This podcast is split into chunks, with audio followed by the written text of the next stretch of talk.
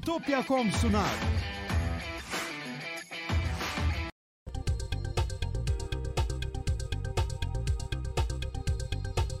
İtopya.com sunar.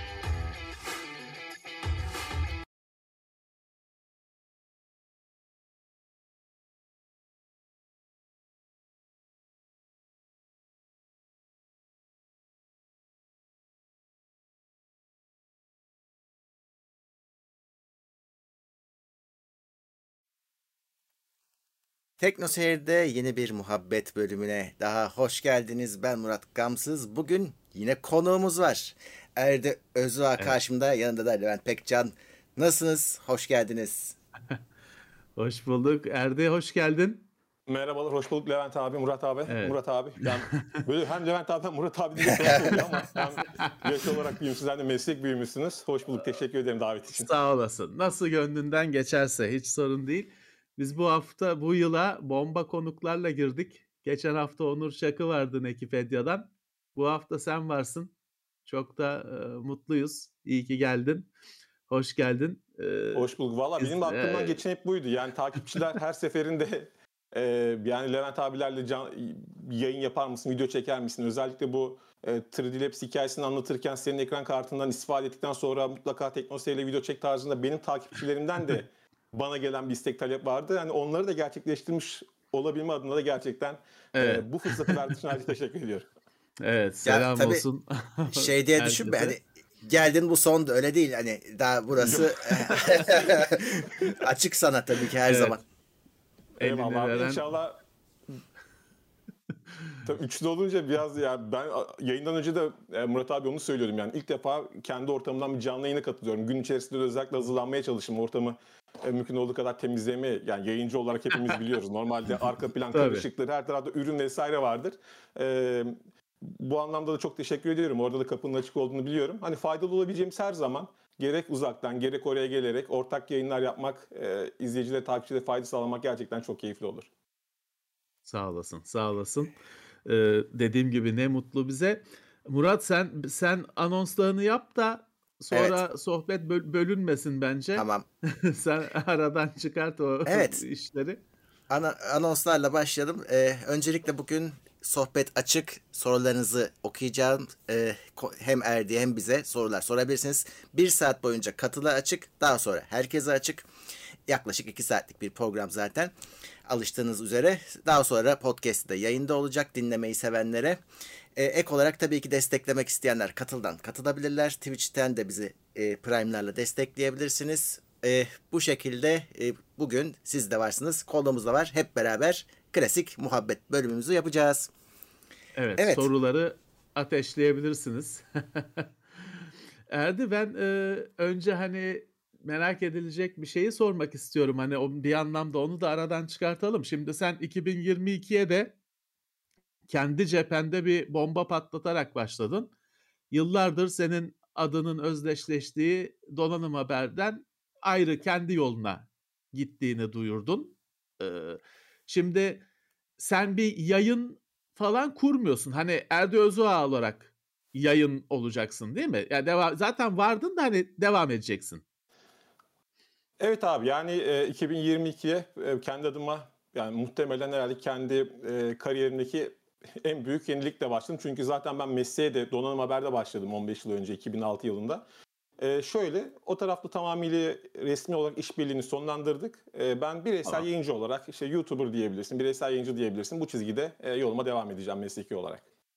Tamam. Z- sen zaten hani bir marka değerine sahiptin başından beri.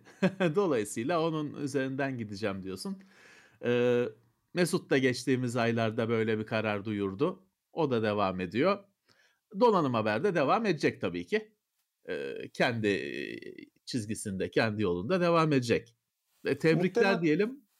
Teşekkür ederim abi. Tabii bana da çok e, bu yönde takipçilerden soru geldi. Neden e, ayrıldın? Niye 15 yıl sonra işte orayı bıraktın? Yani biz senin zannediyorduk diyenlere kadar tabii pek çok yorum. tabii, E, tabii. ister istemez de 15 sene gibi uzun bir süre yani insan hayatında ortalama 75 sene düşünürsek 15 tane 5 blok var abi. O bloklardan birini Evet. ben donanım haber çatısı altında harcamış oldum. E, yani genelde biz bu tür hikayeleri sorarken ve sorgularken işin arka tarafında böyle çok büyük kavgalar, olaylar, anlaşmazlıklar e, arıyoruz, aramak istiyoruz. Hani e, aslında olayı çok fazla derinleştirmenin de bir anlamı yok. Sonucunda Tabii. profesyonel bir işbirliği var. Yani ben donanım haberinin sahibi de değildim. Tabii, Sorumlu tabii. editörü ya da yönetici editör de değildim. Oranın bir çalışanıydım. E, orta noktada buluşabildiğiniz, yani profesyonel bir iş ilişkisinde orta noktada buluşabildiğiniz sürece o işbirliği devam eder. Anlaşmazlıklar başladığı zaman da o anlaşmazlıkları gidermeye, telafi etmeye çalışırsınız ama bu anlaşmazlıklar çözülemez ya da kar topu gibi büyümeye başladığı zamansa herkes e, kendi yolunu çizmeye bakıyor ister istemez. Sen No- tabii ki normal. ideal dünyada Amerika ortamında yani biz işte işimiz gereği Amerikalı teknoloji şirketlerinde anlatıyoruz. Oradaki modeller ne yazık ki Türkiye'de uygulanabilir modeller değil. Türkiye'de genelde hani şirketlerin profillerine bakıldığı zaman önemli bir kısmı aynı profesyonellik seviyesinde yönetilemiyor. Bunun bireysel sebepleri de olabilir, e, kültürel bazı sebepleri de olabilir. E, ama günün sonunda e, şöyle bir durum var. Bizim yaptığımız işte bizim için, yani birey olarak bakıldığı zaman benim için de, senin için de, e, Murat abi için de, hepimiz için önemli olan konu şey şu. Bizim tek bir sermayemiz var. Aklımız ya da anlatabildiğimiz kadar bir konuyu anlatabilme yeteneğimiz ve kabiliyetimiz. E, o anlamda da hani yollar belli bir noktadan sonra ayrılmayı zorunlu noktaya getirmiş, zorunlu hale getirmişti ki pek çok aslında iş kitabında da şu yazar. Bir kurumda e, en fazla 4 sene çalışın derler. Eğer hani o tarafta farklı bir takım modeller size sunulmuyorsa ki Twitter'da Tabii, da geçen bir mesaj gördüm. Çok aslında manidar bir mesajdır. Pat, şimdi kimin yazdığını hatırlayamadım ama diyor ki patronunuz size sürekli biz burada bir aile izliyorsa o zaman bana bir hisse verin de diyor. Mesela anlatabiliyor muyum? Yani Doğru, öyle bir şey doğru, vardır ya doğru. biz bu çatı altında aileyiz hadi hep beraber yüklenelim mesai harcayalım. Ha biz yukarıda Allah var şöyle bir durum var. Hani e, siz de zaten yakından biliyorsunuz abi pek çok yere beraber gittik beraber çalıştık. 15 yıl boyunca kendi şirketimiz gibi hani babamın kurduğu şirket ya da benim kurduğum şirkete ben ne kadar emek harcayabilirsem o kadar emek harcadık.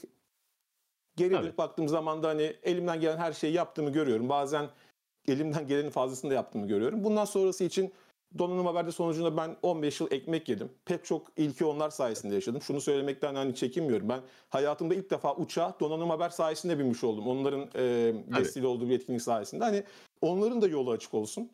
E, ben de bireysel yayıncı olarak yoluma devam edeceğim. Ha belki isterseniz konuşuruz. Yayıncılık da zaten hem Türkiye'de hem de dünyada bir değişim içerisinden geçiyor. Yani bir tarafta YouTube'un e, bir takım e, farklı geliş dinamikleri, var, dinamik değişimleri. Bir tarafta da dikey video dediğimiz işte TikTok'ta, Instagram Reels'de ya da benzeri konseptler var. Yani biz yayıncı olarak aslında değişime de bir noktada ayak uydurmak zorundayız. Hepsini bir araya getirdiğiniz zaman işte bu dalga beni buraya kadar getirdi. İyi olmuş. Hani bundan sonrası da hayırlı olsun. Bu değişiklik olması gereken bir şey zaten. Hani genel anlamda hani değişim olması gereken bir şey. Ee, dolayısıyla hani e, belki bir anlamda erde hani onlar için de bir yenilenme olacaktır. Hani çünkü bizim işimiz çok değişen bir şey. Arada böyle işte kemikleşiyor. Belki onun kırılması lazım. Hayırlı olsun. Ee, ama şey e, hani Şimdi burada yok kendisi. Selam edelim Mesut'a da. Senin de Mesut'un da donanım haber etiketi üzerinizden çok zor gidecek. İnsanlar sizi hep yolda çevirip donanım haberden bahsedecekler. Ee, normal bir şey herhalde. Sen de, siz de hazırsınızdır. Abi Ee, şöyle söyleyeyim çünkü yani donanım haber tarafında- artık. E tabii yani bu kadar uzun süre olunca ister istemez yani bir de ekran yüzü olunca yaptığımız iş gereği daha da fazla entegre hale geliyorsun. Çünkü o platform altına ekran yüzü yani işin vitrin tarafını e, üstlenmiş oluyorsun. Ama yalnız şöyle bir durum var. Tabii donanım haber tarafında e, donanım haberin bir içerik üretim teknoloji portalı tarafı var. Bir de forum tarafı var. Yani aslında iki ayrı yani tek Evet. bir grup içerisinde iki ayrı iştirak gibi düşünebiliriz. Yani çünkü forumun kendi Doğru. bir e, organik biyolojik yapısı var. E, teknoloji editörleri olarak bizlerin farklı bir pozisyonu vardı ama belki dışarıdan pek anlaşılmasa bile içeride mekanizmalar tamamıyla farklıydı. Yani içerik tarafı foruma karışmaz, forum tarafı da içerik tarafına karışmaz. Yönetimi farklı, karar verme mekanizmaları farklı vesaire vesaire. İşin kötü tarafı şu, ya forumda şirketin yönetimi, forumun yönetimi, şirketin sahipleri bir karar alıyor. O karar beğenilmiyor ya da forumda yeni bir e, tepki dalgası oluşuyor. onda küfür yiyen de ben oluyorum. Yani çünkü ekran Doğru, yüzü hani sanki doğru. tüm o operasyonun başındaymış gibi hissedildiğin için ama dediğim gibi acısıyla Tabii. tatlısıyla, iyisiyle güzeliyle bir 15 yılı geçirdik. Onların da yolu açık olsun. Sonucunda Evet. e, bu tür uzun işbirliklerinde iki taraf içinde istem dışı konfor alanları oluşuyor ve bu da bu alışkanlıklarda bazen e, günün gereksinimlerinin gerisinde kalmayı, gerisine düşmeyi istem dışı olarak bir sonuç e, önümüze getirebiliyor. O anlamda herkes için hayırlısı olsun diyelim. E, Tabii, onlara da tabii, başarılar diliyorum. Peki ben Tabii. şeyi soracağım. Ben- Şimdi e, sen mesela şimdi orada çalışandın. Kendi artık kendi işin var. Evet.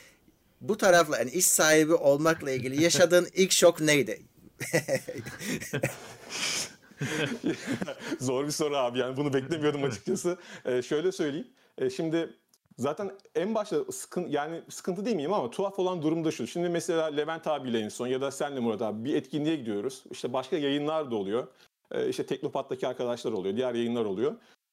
Dışarıdan bir gözle bakıldığın zaman mesela orada orada olup çalıştığı yayının sahibi olmayan tek kişi bizlerdik mesela. Ben ya da işte Mesut. Çünkü biz çalışandık ama siz işte yayının e, yöneticileri sahibi olarak keza diğer arkadaşlar da öyle. E, bu bazen tuhaf geliyordu ama senin soruna dönecek olursam şöyle. Şimdi bir kurum çatısı altında çalışırken e, bazı konfor alanlarınız var. Nedir onlar? Şimdi e, bizim yaptığımız işte içerik üretmek ayrı bir konu, ayrı bir uzmanlık ve e, tematikleşme gerektiriyor. Ama işin bir de reklam ve pazarlama kısmı var. Çünkü yayıncılıkta yayın şirketlerinin ya da yayıncıların ana gelir kalemi yapılan işbirlikleri oluyor genelde. Onun içinde bir reklam pazarlama departmanının olması gerekiyor. Şimdi reklam pazarlama departmanları genelde en zor, işin pis kısmını yaparlar. Çünkü e, bir editörün zaten ya da bir yayıncının aslında teknik olarak bir firmayla e, reklam pazarlama konuşması zor bir konu. Çünkü bir taraftan içeriği üretecek olan kişi sizsiniz, diğer taraftan da Tabii. firmayla bu işbirliğinin şekillerini, çerçevesini belirleyecek olan taraf da sizsiniz. Dolayısıyla hem işin maddi boyutunu konuşup hem de takipçilere ve izleyicilere fayda sağlayabilecek, işte mesleki kariyerinizi olumsuz anlamda etki etmeyebilecek, yayının kimliğini değiştirmeyecek bir içeriği de ortaya koymanız gerekiyor. Şimdi Evet. biz Donanım Haber çatısı altında çalışırken işin o tarafını hiç bilmezdik. Çünkü Donanım Haber'in bir reklam departmanı var iki kişiden e, oluşan. E, onlar işin tüm o ticari boyutlarını yapardı. Biz bazen hatta onlara derdik biz bu projeyi beğenmedik biz bunu yapmak istemiyoruz. Aa nasıl abi işte ma mahcup tamam onu sen çöz derdik mesela. Şimdi ama kendin tek başına yayıncı olduğun zaman e, ve bu tür işbirlikleri geldiği zaman bunca yıldır aslında diyalog halinde olduğun, içerik üretimi için işbirliği yaptığın insanlarla yavaş yavaş hani proje için geldiklerinde proje konuşmaya başlamak kolay değil. Yani tamamıyla içerik üretiminde yoğunlaştıktan sonra kendi ayaklarının üzerine durmaya çalıştığında insanlarla bu tür işbirliklerinin detaylarını konuşmak beni en çok zorlayan konu oldu. Ha, bu bir suç değil, bu bir günah değil, bu bir ayıp değil, bir profesyonel işbirliği yapıyorsunuz ama 15 yıl sadece içerik ürettikten sonra yeni kariyerde işin bu tarafında üstlenmek e, en azından tek kişiyseniz çok zor oluyor. E, çünkü bir tarafta mümkün olduğu kadar objektif ve ortada duran özgür ve özgün içerikler üretmek istiyorsunuz ama diğer tarafta da işte hayatta kalabilmenin tek yolu da işbirliği yapmak. Yani bugün YouTube'un Türkiye'de Tabii. bir yayıncıyı hani yayıncının aylık ihtiyaçlarını karşılayabilmesi yani sadece YouTube'dan gelen gelirle bir yayıncının ayakta durabilmesi imkansıza yakın. Tabii. Ancak her attığınız video milyon izlenir belki o zaman. Evet. Ee, Evet. burada sizin Kesin. aslında çok beğendiğim, takdir ettiğim e, karşılığını alıp almadığınız konusunda bilemiyorum ama bir, tabii bir başka yöntem daha var. O da topluluk desteğiyle ayakta durabilme olayı. E, siz bunu yıllardır e, çok büyük bir cesaretle öncüsü de oldunuz.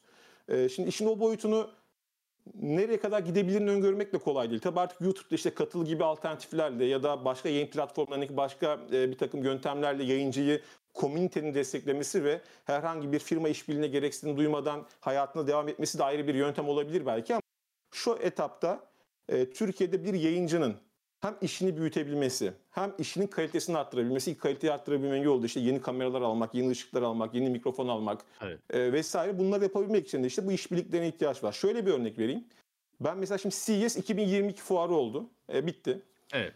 Ben benim amacım şuydu. Ben donanım haberden ayrıldığımız CES 2022 fuarına gidip orada anons etmek istiyordum. Yani vermek isteyeceğim mesaj şu olacaktı. Bakın ben artık bireysel bir yayıncıyım ama imkanlarım el verdikçe, maddi manevi gücüm yettikçe buralara tek başıma da gelmeye çalışacağım.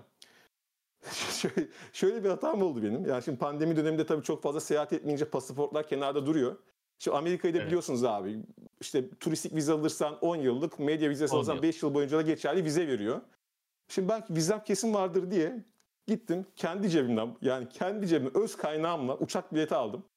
Uçak biletini alırken de en ucuz olsun diye de refund olmayan yani tes, iade edilemeyenini Evet. aldım. Oo. Hani oteli oteli iade edilebilen almışım. So- Sonra bir baktım benim vize bitmiş Aralık ayında. E zaten Of, of, of. pandemi de sebebiyle de vize işlemleri yavaşlamış. Evet, Ah. evet. Meslek hayatımda ilk defa başımdan aşağı kaynar sular döküldü. Çünkü yani uçak bileti için verdiğim para bildiğin hani çoluğumun çocuğumun rızkından ayırıp kenara koyup denkleştirdiğim tabii, bir Tabii. paraydı açıkçası abi.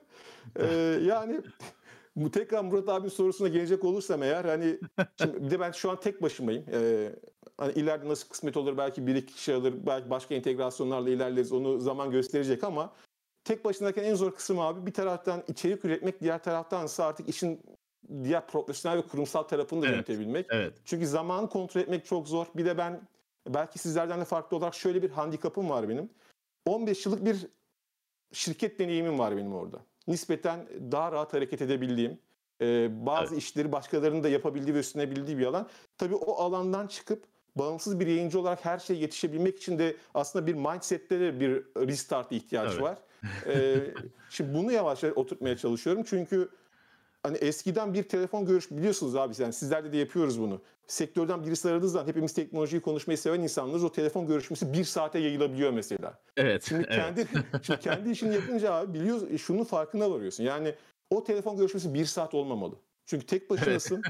yani videoyu çekeceğim, kurguyu yapacağım, konuyu araştıracağım, detayı çekeceğim derken Tabii, tabii, işte bunlar tabii. çok zorladı. İşte yavaş yavaş onları oturtmaya çalışıyorum. Onlar oturduğu sürece e, en azından üzerimdeki yük biraz daha azar- azalır diye tahmin ediyorum. Tabii tabii. Öğren, öğrenilecek, alışılacak. e, Mutlaka problemler çıkacak. Murat sen şimdi çok güzel bir şey sordun. Aslında bence sen de cevap ver e, bu soruya. Çünkü Tabii, bu hemen. çok eğlenceli bir şey. Bende de var hikayeler. Sen sen kendi bak kendi bakışını anlat. Ee, abi şöyle biz ben, ben bizde de yine Erdin'in söylediği gibi PC Labs'ı falan benim zannediyorlardı aslında Özkan'ın da. Evet. Ee, Evet. 2014'te biz TeknoSeyir'i üzerimize alınca e, işte o yöneticilik işiyle ben de tanışmış oldum. Beni e, benim için şey olan şuydu. E, mesela muhasebe benim için ilk şok muhasebedir. Çünkü ben muhasebeyi tutmuyordum. E, gerçi Özkan'ın ne kadar tuttuğu tartışmalı. E, ama e, sonuç itibariyle ben hiç sormazdım. Gelir gider nedir bilmezdim. E, Tabii e, tabii. Mu, muhtasar ne? Muhtasar. Duymamıştın hiç. muhtasar nedir bilmezdik. Değil mi?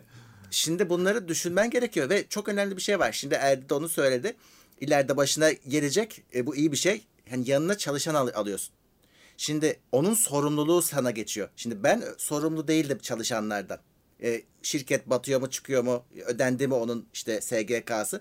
Şimdi onların da üzerime sorumluluğu geldi. Yani kendin için çalışmıyorsun bir süre sonra. Bir de işte yanındakilerin haklarının ödenmesi var. Onlara işte sene Evet. başı sonunda zammının ödenmesi var. Şunlar bunlar. Hepsi için çalışmak zorundasın.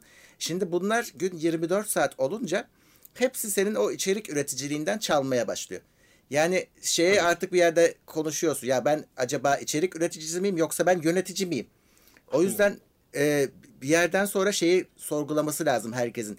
Kendi işini yapmak isteyenlerin e, değsin. Yani bu çünkü siz artık e, ya ben işte sadece sevdiğim işe odaklanacağım insanları vardır. Onlar plazalarda hayal kurarlar. Kafe açacağım derler falan filan. Açıyorsun da e, artık yönetici olduğun için tad alamıyorsun. Bütün vaktin gidiyor. Girişimcilik böyle bir şey. Bizler bizler hepimiz Tabii girişimci olduk. İş- İşte şartlar öyle oldu. İşte eski işlerimizi bıraktık. Şunlar oldu, bunlar oldu. Devam edemedi. Şekil değişti. Sorun o, o önemli değil. Hepimiz girişimciyiz bir şekilde ve girişimcinin hayatı başka bir şey. Artık orada sen aslında sevdiğin işe vakit ayıramamaktan dolayı başka bir mutsuzlukla tanışıyorsun. E, istiyorsun ki buna da değsin. Hani bu kadar sıkıntıya girdik. Bunun en azından bir karşılığını alayım. Alamazsan işte Erdin'in az önce söylediği gibi bu sefer kendi işinde de mutsuzluk başlıyor. İşte bütün bu dengeleri kurmak sorumluluğu aslında. Yapabiliyor musun, yapamıyor musun? O da her kişinin bir sınavı aslında. Testi. Kimi yapabiliyor, kimi yapamıyor, kurumsala geri kaçıyor. Kimi o kafeyi kapatıyor. Doğru. doğru. Ee, yani herkesin Doğru. içinden değişik şekilde geçtiği bir sınav ama bence bir kere Doğru. yapılması gerekiyor. Yani bir kere alan ben acaba kendi ayaklarımın üzerinde durabiliyor muyumu görmek lazım bence. Yoksa hep düşünürsün çünkü. Yapsa Evet. mıydım?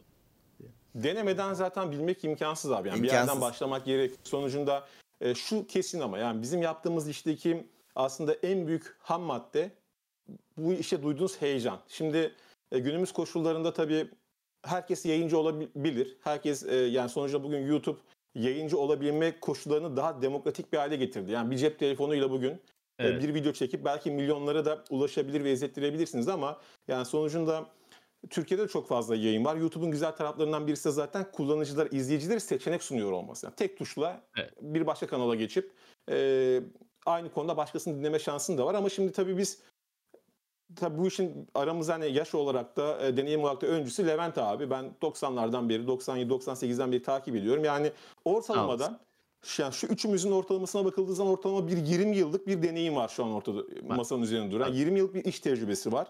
Yani biz ömrümüzü bu işe adadık.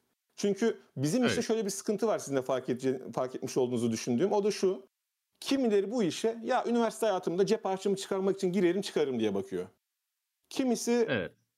ucuz iş gücü olarak işte biraz İngilizce bilen, biraz çeviri yapabilen birisini yanıma alayım. Ya işte beğenmezse ben ya da uygun görmezsem başkasıyla değiştiririm diyor. Şimdi tabii her iş alanında olduğu gibi yayıncılıkta da sürdürülebilirlik çok önemli.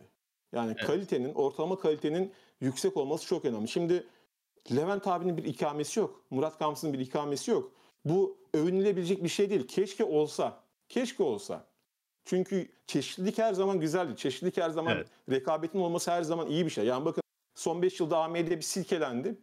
Yani Intel'in tüm stratejisi değişti anlatabiliyor muyum? Dolayısıyla yayıncılıkta Evet, da evet. e, bu bir yandan heyecanın ölmemesi ama bir yandan da tabii Tabii. heyecan duyarak içerik üreten adamın da hayata karşı bir takım beklenti ve sorumlulukları var. Ben donanım habere işte 18-19 yaşında girdiğimde işte üniversiteye yeni başlamış heyecanlı bir gençtim ama bugün hayattan beklentilerim farklı. Evli, çocuğu olan, e, çocuğuna karşı sorumlulukları Evet. olan da bir insanım. Heyecanım ilk günkü heyecanım devam ediyor ama diğer taraftan benim hani elime bakan başka sorumluluklar da var. Oradaki dengeyi de iyi oturtmak gerekiyor. E, bu bağlamda Yes. İşin zor kısımlarından birisi de bu. Şimdi tabii Murat abinin dediği şey önemli. Yanınıza özellikle birilerini almaya başladıktan sonra onların sorumluluğu da artık sizin üzerinizde. Çünkü o insanın hayatını idame ettirebilme anlamındaki maddi tüm e, kaynağı da siz oluyorsunuz belli bir noktadan sonra.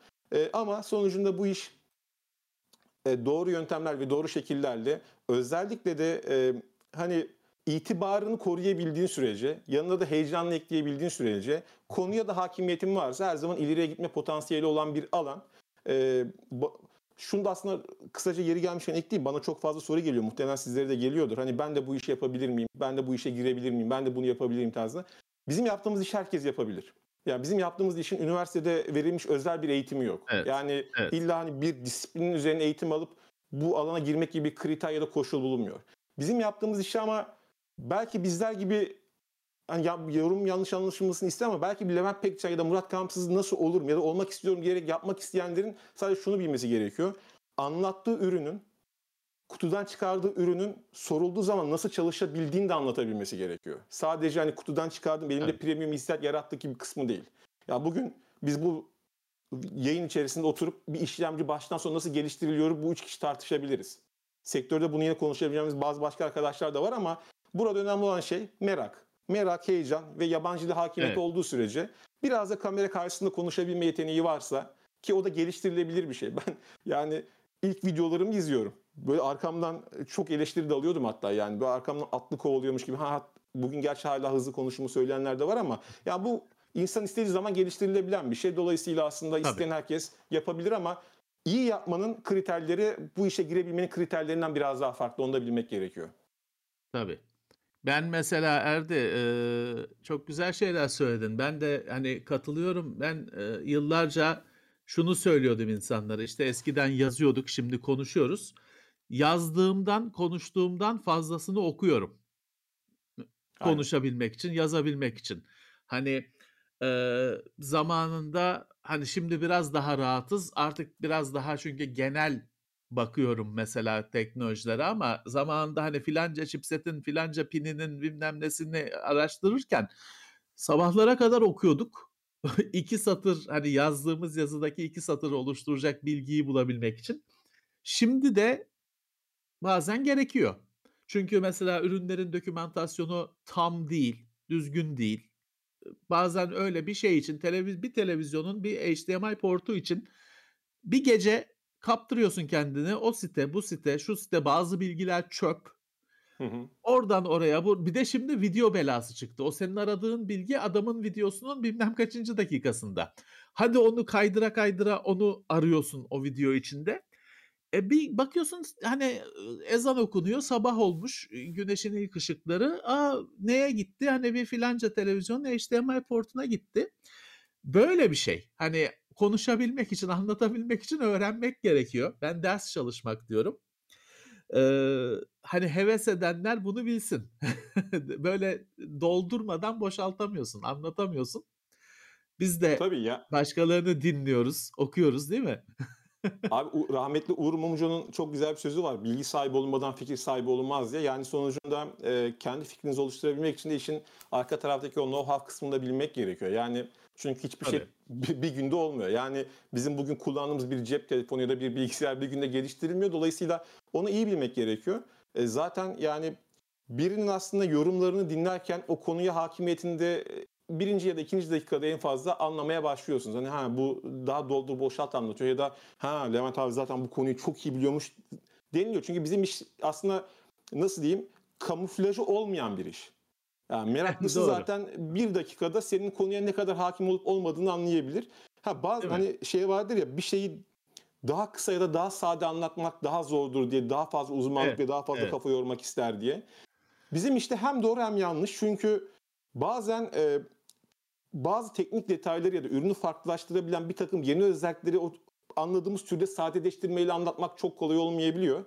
E, ama orada tabii kendi kitlemize uygun dili de oluşturmamız gerekiyor. Ben geçenlerde. Amerikalı bir YouTuber'ın YouTube'unu izliyordum. Abi adam sadece iki tane özellikten bahsetti. Çok basit böyle 30 saniyede geçti. Üçüncü cümlesi neydi biliyor musun?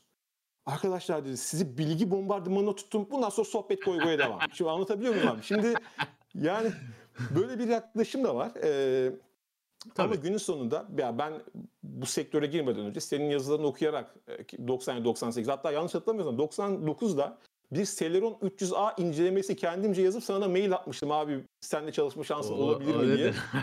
olur olur. Yani Duruyordur. ama e, ya bilmiyorum bakmak lazım. Yani şimdi hafızam da beni yanıltmasın. O dönemde e, çok tabii 12-13 yaşında olman heyecanlıydı. Sürekli bir şeyler yazıp çizip e, şey yapıyordum. tabii tabii. E, sonucunda hani ama. sen keza sonrasında işte PC Labs döneminde çünkü hepiniz benden önce bu sektörü ya sektör ben sektöre girdim ama sizler bu sektörü oluşturdunuz abi. Online yayıncılık, dijital yayıncılığın başlangıcı. Ya ben hatırlıyorum 2000 öncesinde bir sen vardın, bir de Alp abi vardı. Hardware Mania Evet, vardı. E, evet, evet. yani Alp Özdemir. O tabii işin yazılım kısmına kapılıp aynı sizde Hamdi'de olduğu gibi o biraz daha erken ayrıldı sektörden. E, Yanlış hatırlamıyorsam o bir yazılım şirketi var şu an ama sizler sonra 2000'lerin başında PC Labs tarafında keza o dönem bazı başka haber siteleri, bazı başka inceleme siteleri de vardı. Onlar çok hızlı kayboldular ama vardı. iyi iş yapan yayınlar vardı. Mikro haber vardı mesela benim takip ettiğim yani güzel Evet, haberleri evet. olan. Ee, Evet.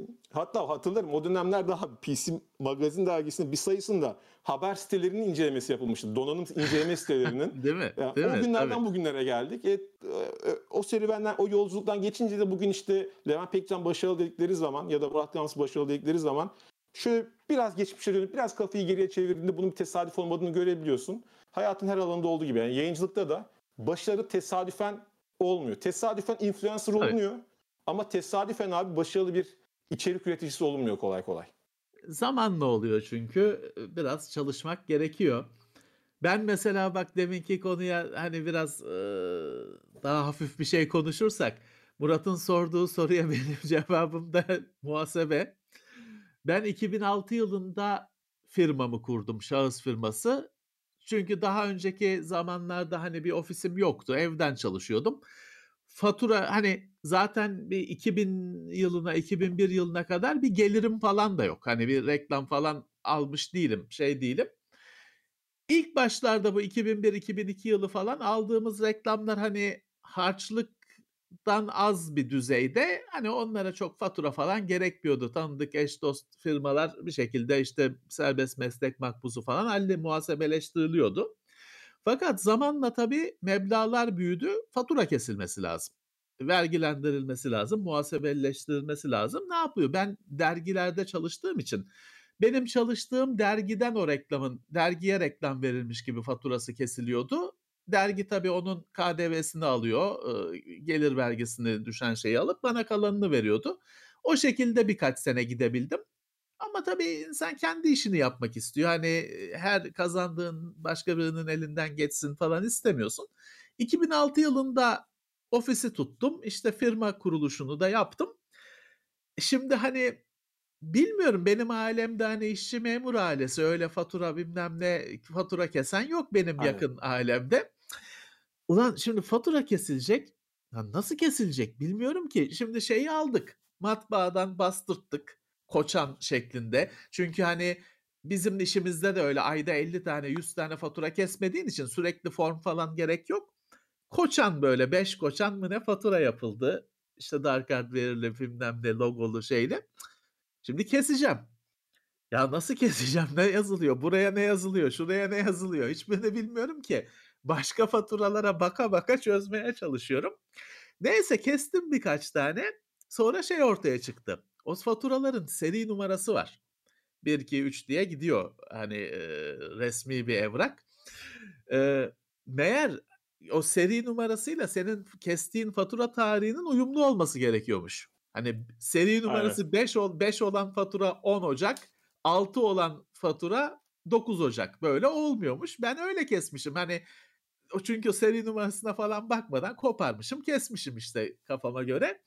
Sonra o ilk kestiğim e, ilk parti yolladığım faturaları firmalardan geri istemem gerekti. İade edildi, iptal edildi. Kimisi iade etti, kimisi iptal etti bilmem ne.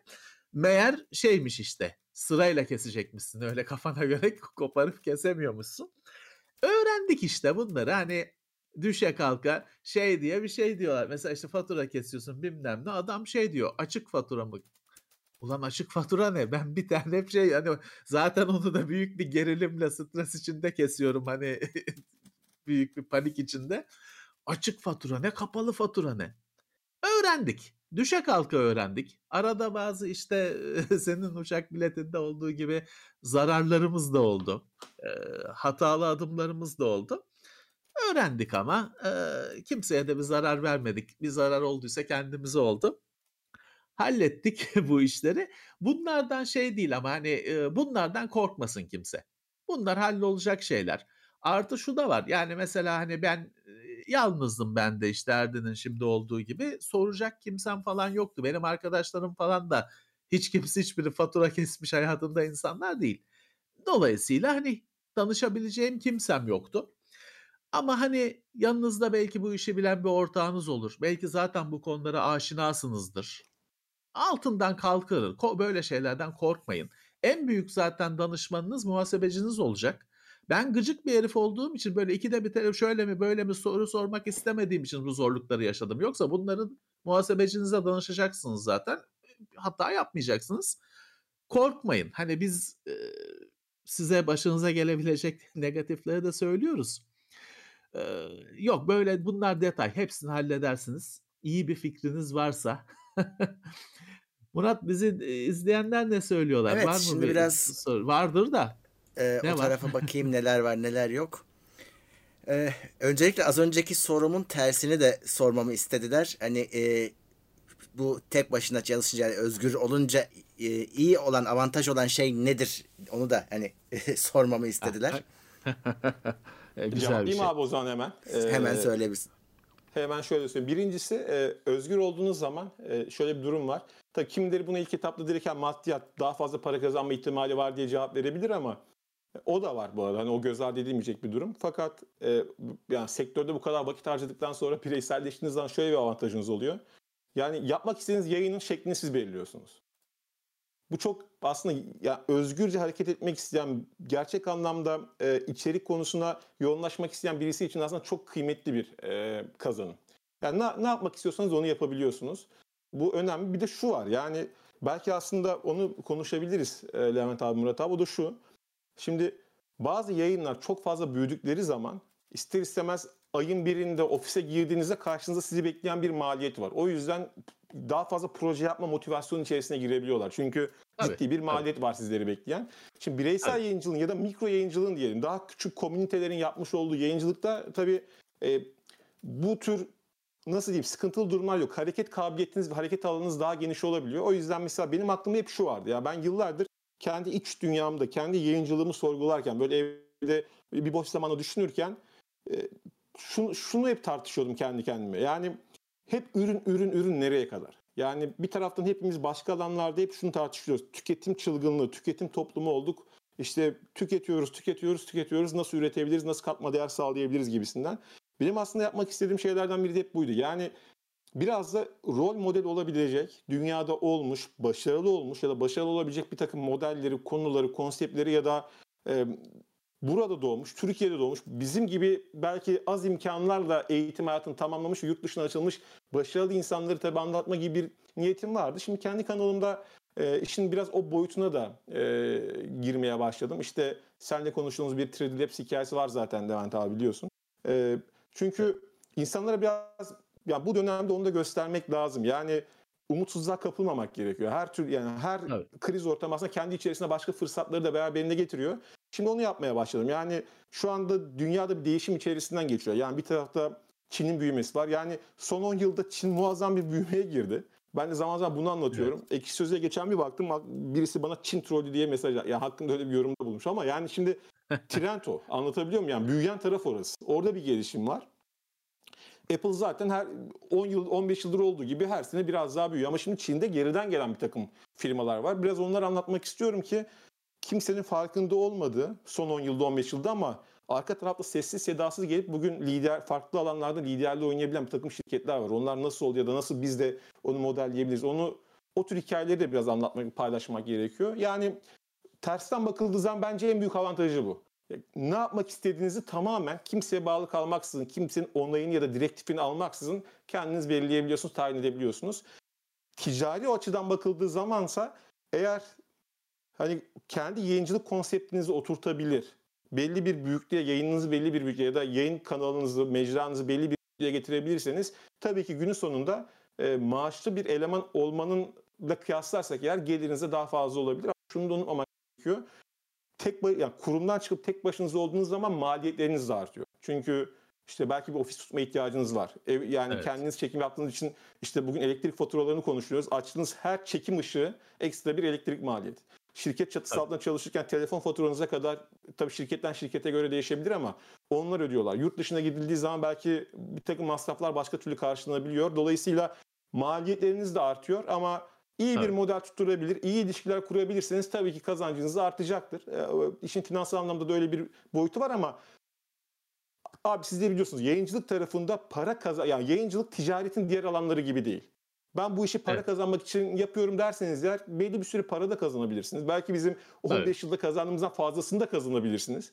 Ee, ama kalı- kalıcı olmazsınız. Ben Murat abinin e, yani Instagram'daki bir soru cevap kısmında verdiği bir cevap vardı. O aklıma kazınmış. E, yine buna benzer bir soru var. Abi sizin sektöre girmeli miyim? Girersem ne olur tarzında. Cevabını hiç unutmuyorum diyor ki e, Murat abi. Bizim sektörün güzelliği her yeni çıkan cihazı kullanırsınız. Kötü değilse o cihazı kendiniz almak isterseniz alamazsınız.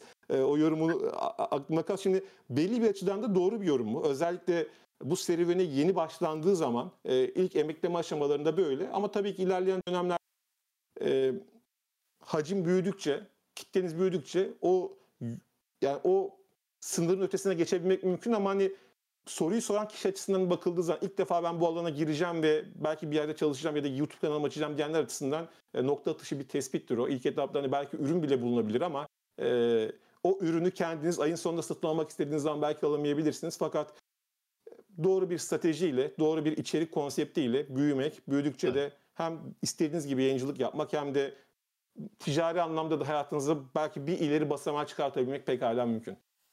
Peki ama Doğru. e, şeyi de düşünmemiz lazım. E, şimdi öyle bir zamandayız ki işte 20 senedir bu işi yapıyoruz. Ben böylesine rastlamadım. Yani krizler hep oldu.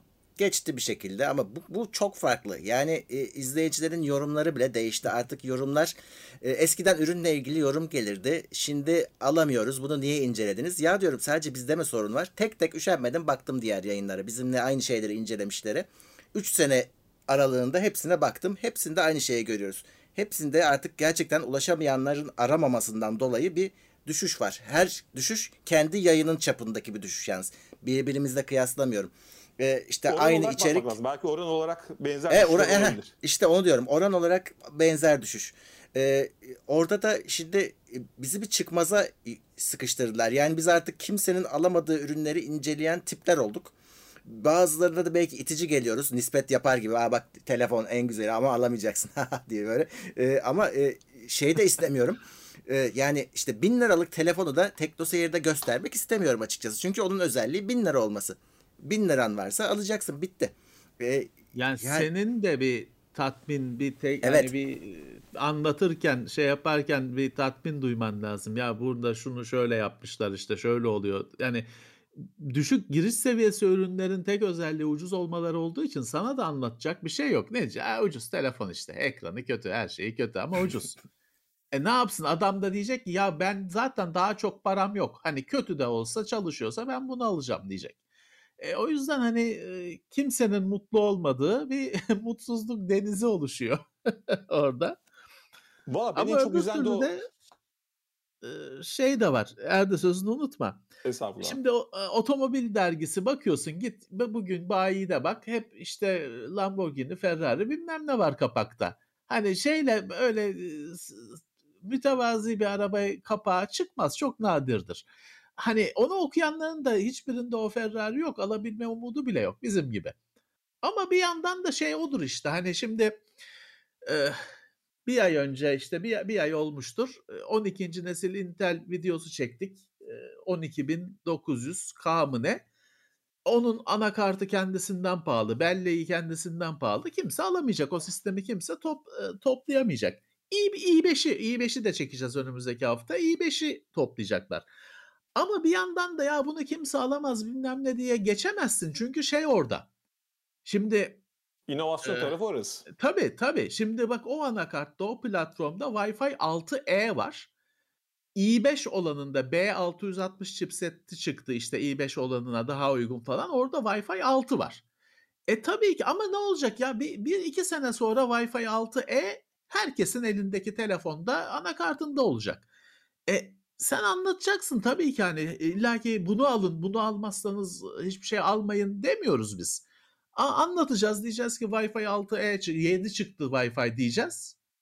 Tamam ilk başta bizde de yok. Kimse alamayacak ama öğrenecek bu çıktı. Ya teknolojinin güzel tarafı şu biz teknoseyirde çok yerde bunu tekrarlıyoruz. Ee, şimdi pahalı bir şey yeni bir teknolojiyi anlatırken tabii insanlarda ya işte alamayacağız falan tepkisi oluyor. Hatta bu tepkiden dolayı şey oluyor benim çok da kızdığım hani gereği yok. Hani 20 terabayt disk gösteriyorsun adam diyor ki gerek yok. Ya var gerek. Hani sana olmayabilir ama birileri için gere- 200 terabaytlığı da gerekli birilerine. Ben hep şey diyorum. Ya böyle bir tepki vermeyin. Çünkü 20 terabayt yani 5 sene sonra telefonunuz 20 terabayt olacak sizin. Ya da işte cebinizde taşıdığınız external disk 20 terabayt olacak. Şeyde markette, tepside, sepette satılıyor o hard diskler artık. Ya bekle. Şu anda erişilmez durumda. 5 sene sonra, 4 sene sonra cebinde.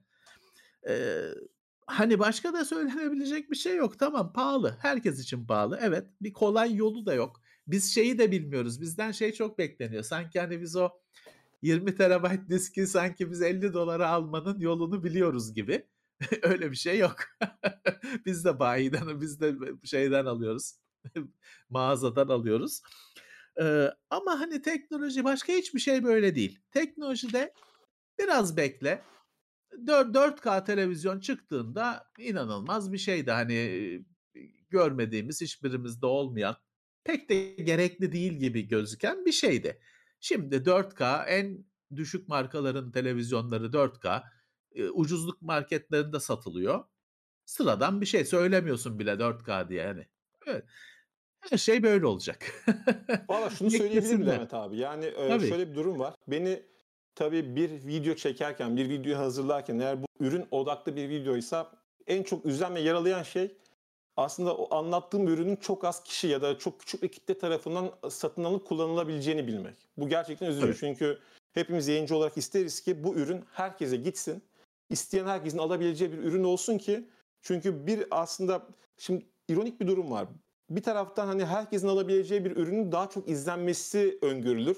Ee, en azından yayıncılık tarafı biraz belki dışarıdan bakanlar için. Ama şöyle bir şey var. Mesela kendi kanalıma dönüp baktığım zaman mesela iPhone 13 Pro Max'i inceledim ben. 200 bin kişi izlemiş. İşte 2500 liralık bir Infinix telefonu inceledim. 15 bin kişi izlemiş. Şimdi Yayıncı Öyle. olarak şimdi, şimdi yayıncı olarak benim şu hesabı yapmam da gerekiyor. E, çünkü özellikle mesela tek başıma çalıştığım için. Şimdi benim enerjim ve harcayabileceğim zaman belli. Evet. Şimdi bu zamanı da doğru yönlendirmem gerekiyor. Ben de isterim ki iPhone 13 Pro Max'in fiyatı 10 bin liranın altında olsun ve herkes bu ürünü alsın. Ama fiyatı belirleyebilen, fiyatı tayin eden taraf bizler değiliz. Biz yayıncı olarak ürünün ne tür yeteneklere sahip olduğunu, alınıp alınmayacağını, bir önceki jenerasyona göre geçilip geçilemeyeceğini, teknik olarak rekabete neler getirip getirmediğini kendi bilgimiz, görgümüz ve kültürümüz çerçevesinde analiz edip bunu takipçilerle paylaşmak. Orada şöyle bir durum var Levent abi. Şimdi enerjin belli olduğu zaman Şimdi yayıncının en büyük reflekslerinden biri şudur. Bir yayıncı her zaman şunu ister. Aksini söyleyen aslında e, çok samimi olmayabilir. Herkes ürettiği içeriğin mümkün olduğu kadar çok kişi tarafından izlenmesini ister. Çünkü yayıncıyı aslında motive eden en büyük kaynak da budur. Paradan da önce gelir hatta. Yani Tabii ki. benim videom, benim yaptığım inceleme ya da bir içerik yüz binlerce kişi tarafından izlensin. Her zaman bu motivasyonla hareket edersiniz. Ama çok izlenecek Doğru. diye de tabii ki kendi kriterlerinizden ve kendi yayıncılık anlayışınızdan taviz vermemelisiniz. O işin ayrı bir konusu. Dolayısıyla bir taraftan zaten bir zaman yönetimi ve içerik planlama konusu var yayıncının aslında yapması gereken. Yani ben bu ay hangi ürünleri incelemeliyim? Zaten iş yoğunluğundan dolayı aslında oturup bunu planlamakta bile bazen vakit bulamıyoruz bunu planlamaya ama genelde yapılması gereken bu oluyor. E diğer taraftan da eğer ürünlerle ilgili şimdi şöyle bir durum var. Videonun başında ne söyledik biz? Bir yayıncının ana gelir kalemi firmalarla yaptığı iş, içerik işbirliğidir. Ve o tarafta işin o tarafına geçip oradan bu tarafa bakıldığı zaman da ortaya şöyle bir tablo çıkıyor. Belki bu izleyicilerin aslında hani izleyiciler için e, çok önemli bir kriter olmayabilir ama firmalarda genelde muhtemelen karlılığı en yüksek ürünler, en pahalı ürünler olduğu işbirliğini de ondan taraf yapmak istiyorlar. Yani Tabii tabii. Burada tabii. hani hepimiz ortalama 20 yıllık tecrübeye sahibiz. Siz hiç gördünüz mü giriş seviyesi ürünü için bütün yayıncılar Gelmez. işbirliği yapan bir firma. Yani şimdi bu Yok, boyutu yok, var. Gelmez. Ha şunu yap şunu yapabiliriz. Yayıncılar ekonomik anlamda büyüdükçe komünitenin, topluluğun istediği her ürüne kendi imkanlarıyla erişip onu ekranlara getirebilmeli. Bu zaten birey olarak benim de isteğim, Levent Tabii, abinin de tabii. isteği, Murat abinin de isteği. İmkanı olsun hemen gideyim şu telefonu alayım hemen incelemesini yapayım. Herhangi kişiye, Tabii. herhangi firmanın bana ürün yollamasını beklemeden. Ama şu an Türkiye'deki realite tam olarak bu değil. Ben donanım haber çatısı altında şunu yaptım abi. Yani aslında geriye dönüp baktığınızda ayrı- ayrılma nedenlerinden birisi de bilinçaltındaki sebeplerden birisi de bu olabilir. Ben kendi cebimden maaşlı çalışan olarak Xiaomi telefon satın alıp defalarca hatta donanım haberde inceledim. Çünkü e, özellikle bizim YouTube serüveni başladıktan sonra hepimiz biliyoruz ki YouTube'da şöyle bir refleks de var. İçeriğin kalitesine bakmaksızın zamanlama önceliği veriyor bazen YouTube. Yani sen eğer Evet. bir ürünü herkese önce anlattıysan onun e, geniş kitlelere gösterimi konusunda YouTube bazen e, in- inisiyatif olarak daha dinamik ve reflektif davranabiliyor. E, ama şu anki ekonomik konjonktürde bu da çok kolay değil. Şimdi ben tek başıma ayakta durmaya çalışıyorum. E şimdi Teknoseyir'de bakıldığı zaman kamera önünde siz varsınız. Arka tarafta işin prodüksiyon tarafında arkadaşlar var. E, bu noktada doğrusu aslında biraz komünite ve topluluk desteğiyle ayakta durabilen yayınlara geliyor ama yapılan örneklere baktığım zaman da henüz arzu edilen ya da hayal edilen o ütopyaya ulaşılabilmiş değil. E, Tabii. Tabii. bu bağlamda öyle bir çıkmaz var ama günün sonunda e, izleyicilerin ve takipçilerin aslında bilmesi, bilmesini istediğim ve düşündüğüm, arzu ettiğim şey şu. Pahalı bir ürünü inceleyen editörlerin hiçbirisi aslında o ürünü ince yani o ürün alınamayacağını bildiği için büyük üzüntü yaşıyor. Yaşamıyor değil. Ama Tabii, Levent abinin de dediği gibi yani genelde firmalarda çünkü tür, biz Türkiye özelinde bunu düşünüyoruz ama bir telefon Türkiye özel yapılıp Türkiye'de sadece Türkiye'de satılmıyor. iPhone 13 Pro Max yaptığı zaman Apple Çin'de de bir numara olmayı hedefliyor. Şimdi Çin'de Huawei, Xiaomi, Oppo, Vivo var. Dolayısıyla bir mühendislik ve teknoloji yarışı da var. Yayıncının o inovasyonları da anlatması gerekiyor. Yani mobilde 2022'nin akıllı telefon dünyasındaki en iyi mobil işlemci hangisi? En iyi ekran hangisinde? En iyi kamera deneyimini hangisi sunuyor? Bunu anlayabilmenin Evet. de yolu en başta tepedeki modellere bakmak. Ee, az önce otomobil örneği verdin aslında o da var mesela. Yani otomobil gruplarına bakıldığı zaman genelde premium mo- modelleri gösterirler. Fiat grubu sallıyorum Alfa Romeo'nun belki vitrin olarak kullanır ama Ege'yi satar. Yani bir de böyle bir realite Tabii, var. Dolayısıyla tabii, hani orada dengeyi kurmak çok kolay değil. Çünkü yayıncının bir de zamanı ve enerjisini kontrol etmesi gerekiyor. İçerik planlamasını yaparken kitlelerin daha fazla kabul edeceği ve seveceği içerikleri yorumlaması gerekiyor. E, bu hani ha deyince değiştirilebilecek ve düzeltilebilecek bir şey değil ama hani uygun koşullarda herkes ister ki her ürün grubundaki ürünü inceleyeyim ve insanlarla, okuyucularla paylaşayım tabii ki. Tabii tabii. Ya şu da bir yandan aslında Erdi benim dikkat ettiğim bir mesele. Ee, yani şimdi ben onu örnek olarak çok kullanırım ama gerçek de bir objedir. Ee, 500 bin dolarlık router var. Bu gardırop büyüklüğünde hani ru- ISP'lerde kullanılan, telekomlarda kullanılan cihazlar var. Cisco'nun işte Juniper Networks'un falan. Şimdi ben bunlardan birini TeknoSeyir'de göstermek isterim.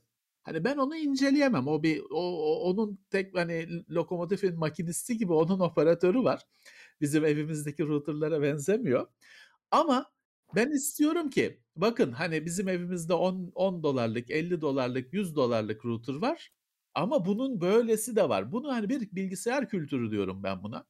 Ben geçmişte mesela hani TeknoSeyir izleyicilerinin pek müşterisi olmayacağı yok işte 8 yuvalı NAS cihazı, 20 yuvalı, NAS cihazı falan bunları ekrana taşımaya çalıştım. Çünkü şey istiyorum. Ya bunlar da var. Biz kullanmıyoruz. Evde kullanılacak bir şey değil. Ama var. Hani aynı şekilde işte e, 50 terabayt hard disk gösterirsem ya gereği yok. Ya var bir adam var dünyada eminim diyor ki 50 terabayt ne 500 lazım diye dövünen bir adam Aynen. var. Bir sistem yöneticisi var Amazon'da bir, bir yerde. O yüzden ben bu gereği yok tepkisine çok gıcık olduğum için şeyi göstermeye çalışıyorum. Ya bunlar da var. Başka bir dünya. Ee, hani biz ev kullanıcıları olarak ya da küçük o işletme kullanıcıları olarak evet bizim için gerçekten gerekli değil. Ama bu teknoloji dünyasının çarklarının dönmesi için bunlar da var. Bu işin ben dediğim gibi bilgisayar kültürü diyorum ben buna.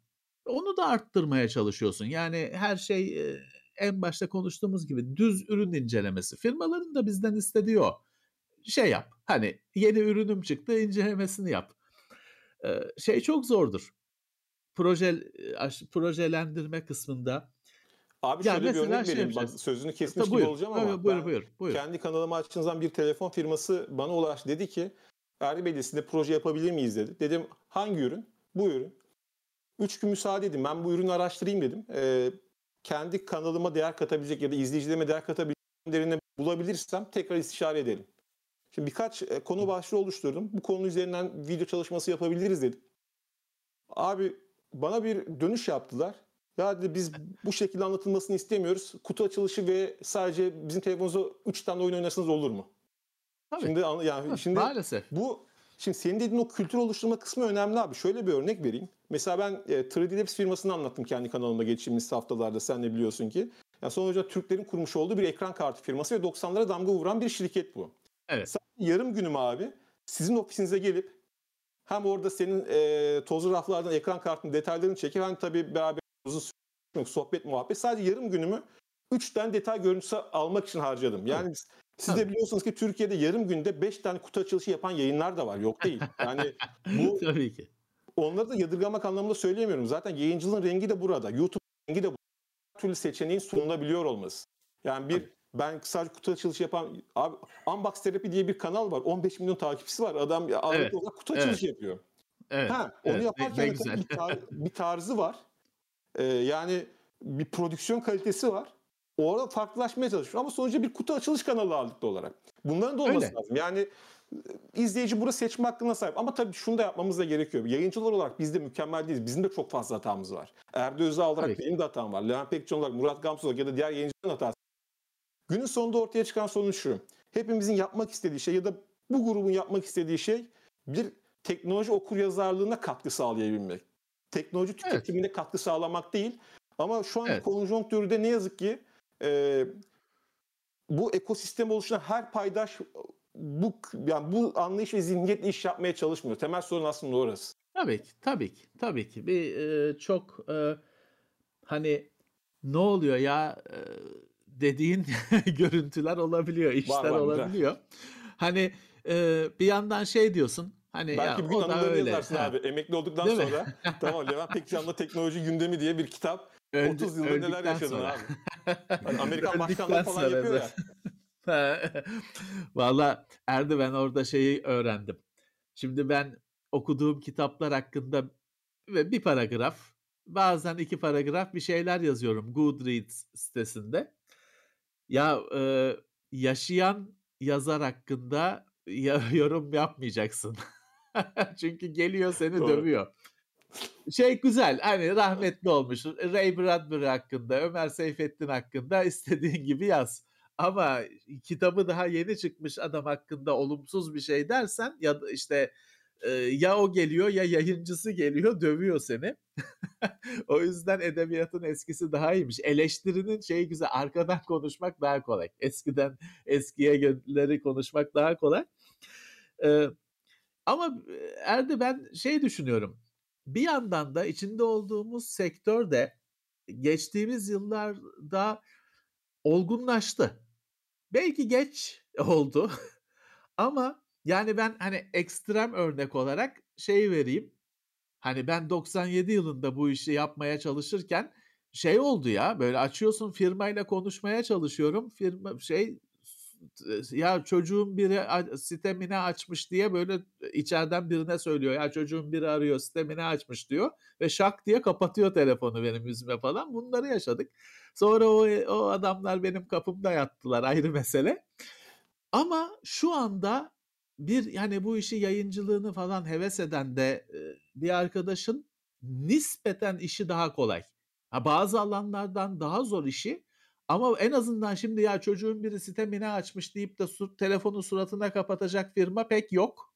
Yine bir iki tane vardır ama pek yok. Ee, biraz daha firmalar basını daha iyi anlıyor galiba.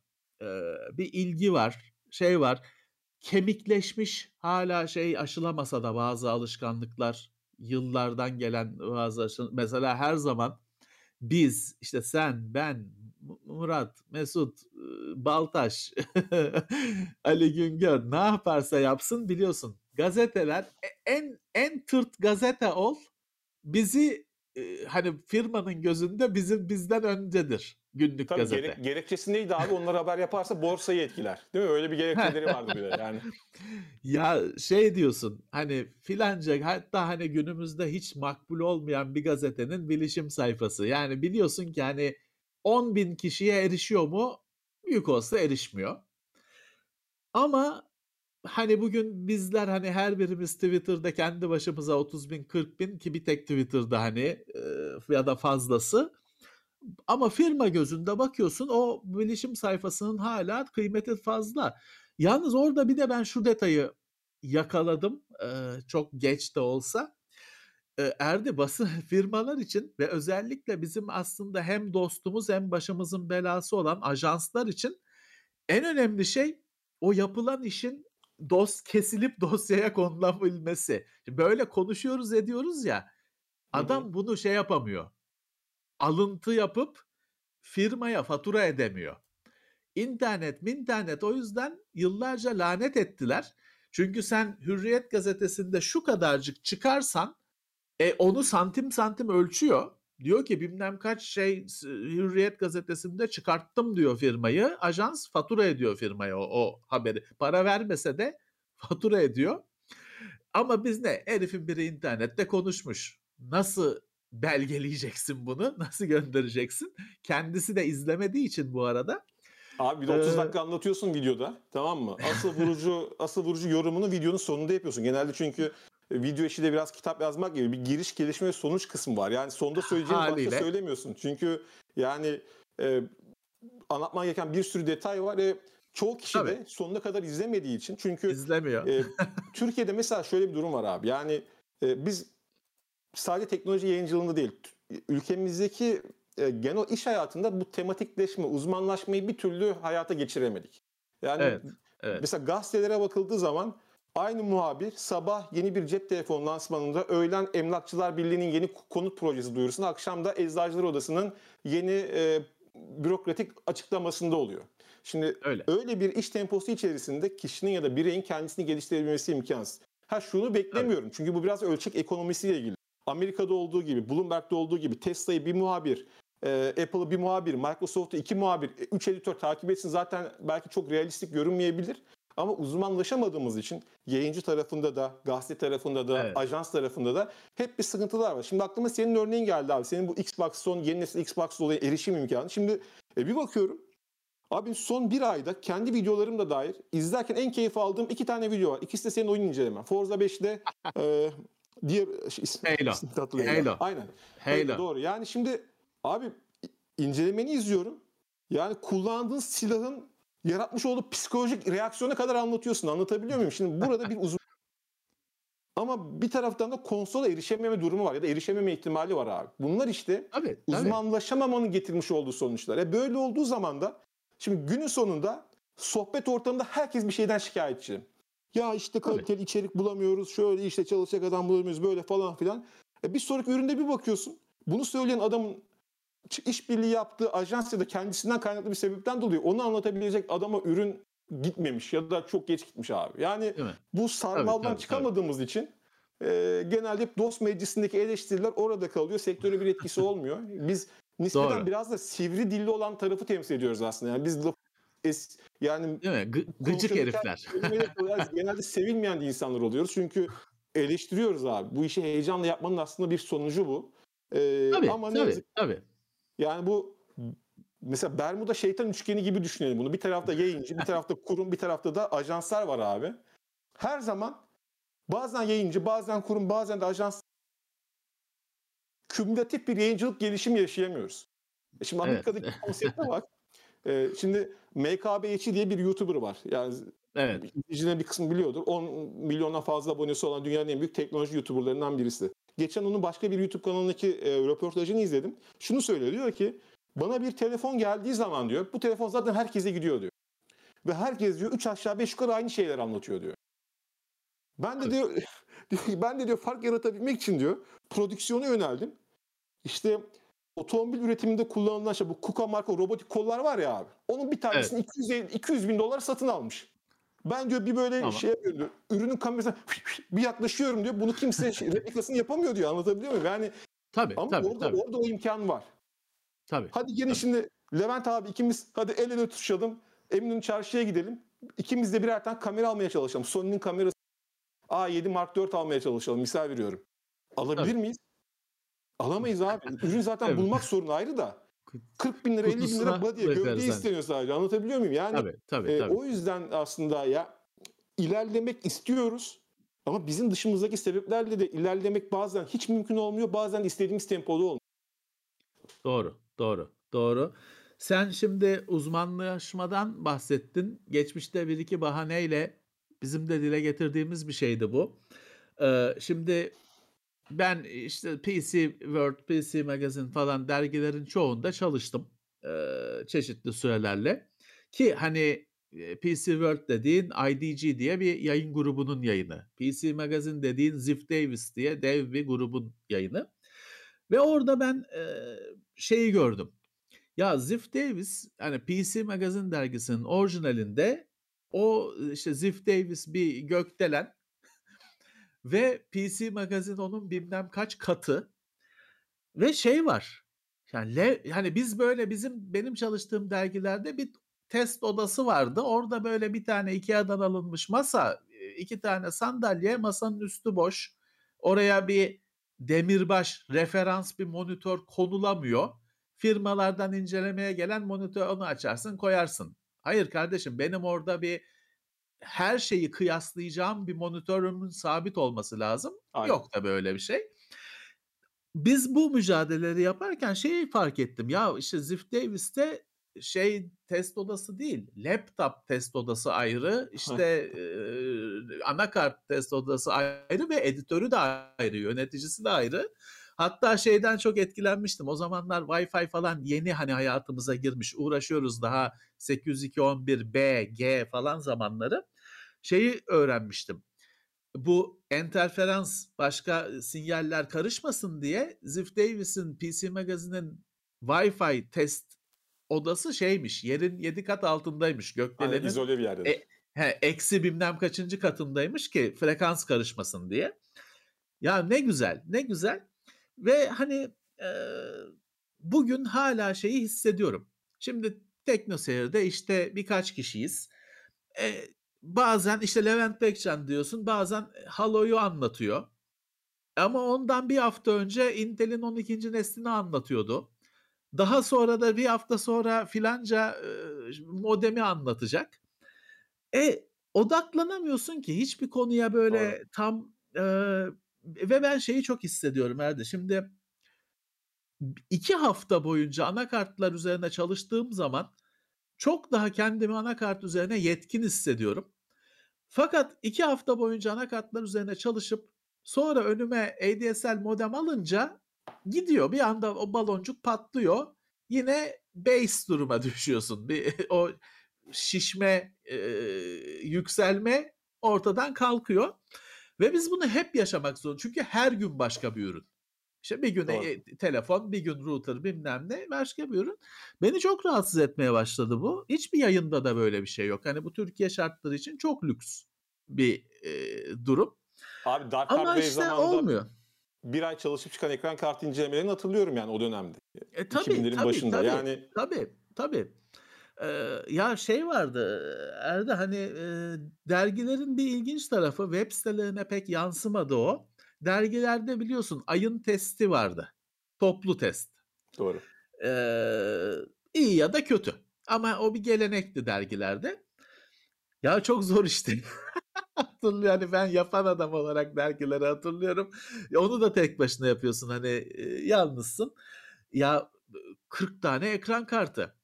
Hani sadece uyduruk şekilde bir P- 3D Mark çalıştırsan bile 40 tane kart, 40 tane driver bilmem ne e, çalışıyorduk, yapıyorduk. E, ama işte şey olmasını isterdim. Uzmanlaşmış editörler şeye diyemiyorum. Çünkü geçmişte internetin donanım teknoloji sitelerinin emeklediği ya da işte böyle yürümeye başladığı dönemlerde uzmanlaşmış siteler denendi. Doğru. İşlemci üzerine Asus Hardware vardı. İşlemci ve bellek üzerine şahikası. İşte o der- Beyond 3D dergi- falan filan. O dergide de vardı. Türkiye'ye gelmediği için bilinmiyor. Ben hatta 2000'lerin Tabii. ortalarında bir arkadaşımdan rica edip Türkiye'ye getirtmiştim. CPU diye bir dergi vardı abi. CPU Magazin diye. Hatta bu Anantekin kurucusu Anan Şimpi falan da yazıyordu orada. Yani Tamam. sadece işlemci üzerine yoğunlaşmış bir Tabii, dergiydi mesela. tabii. Yani işlemci kıyaslamaları vesaire. Tabii. Ama işte o dergiler, o web siteleri günümüze gelemedi. Aynen. Hatta hani onlar böyle mesela geçen sene biliyorsun çok önemli bir web sitesi Hexus gitti geçen sene. Aynen. Bi- BitTech çok köklü bir site gitti. Ama bu benim bahsettiğim tek bir konuya odaklama, odaklanmış siteler o zamanlara bile dayanamadı yani. Onlar daha böyle 2000'li yılların başında gittiler birer birer. Doğru. Ee, bir yandan şeyi özlüyorum. Dedim ya Asus Hardware bugün hatırlayan çok azdır. Adamlar sadece işlemci ve bellek üzerine çalışıyordu. Ama Hı hani inanılmaz bir akademik artık bir birikimle iş yapıyorlardı. O o içeriği de özlüyorum. Ha şey denebilir. Hani biraz da bir akademik kalıyor. Hani çok böyle e, günümüzdeki insanın da hangi işlemciyi alayım sorusunda pek yakalayamıyorlardı. Onlar daha çok filanca keş mimarisiyle akıp gidiyorlar. Ama Abi gerçek hepimize, hayatta hepimize, hepimize referans olmuş senin cevabın var. Ben sana ürün öneremem diye. Şimdi Yani- o artık çok kar- hem Tabii. kolay hem de karmaşık bir soru. Yani tabii kolay tabii. değil. Şey beni üzüyor aslında. Şimdi e, bize hani e, mail yoluyla Twitter falan filan soru geliyor. En çok mail yoluyla geliyor hala.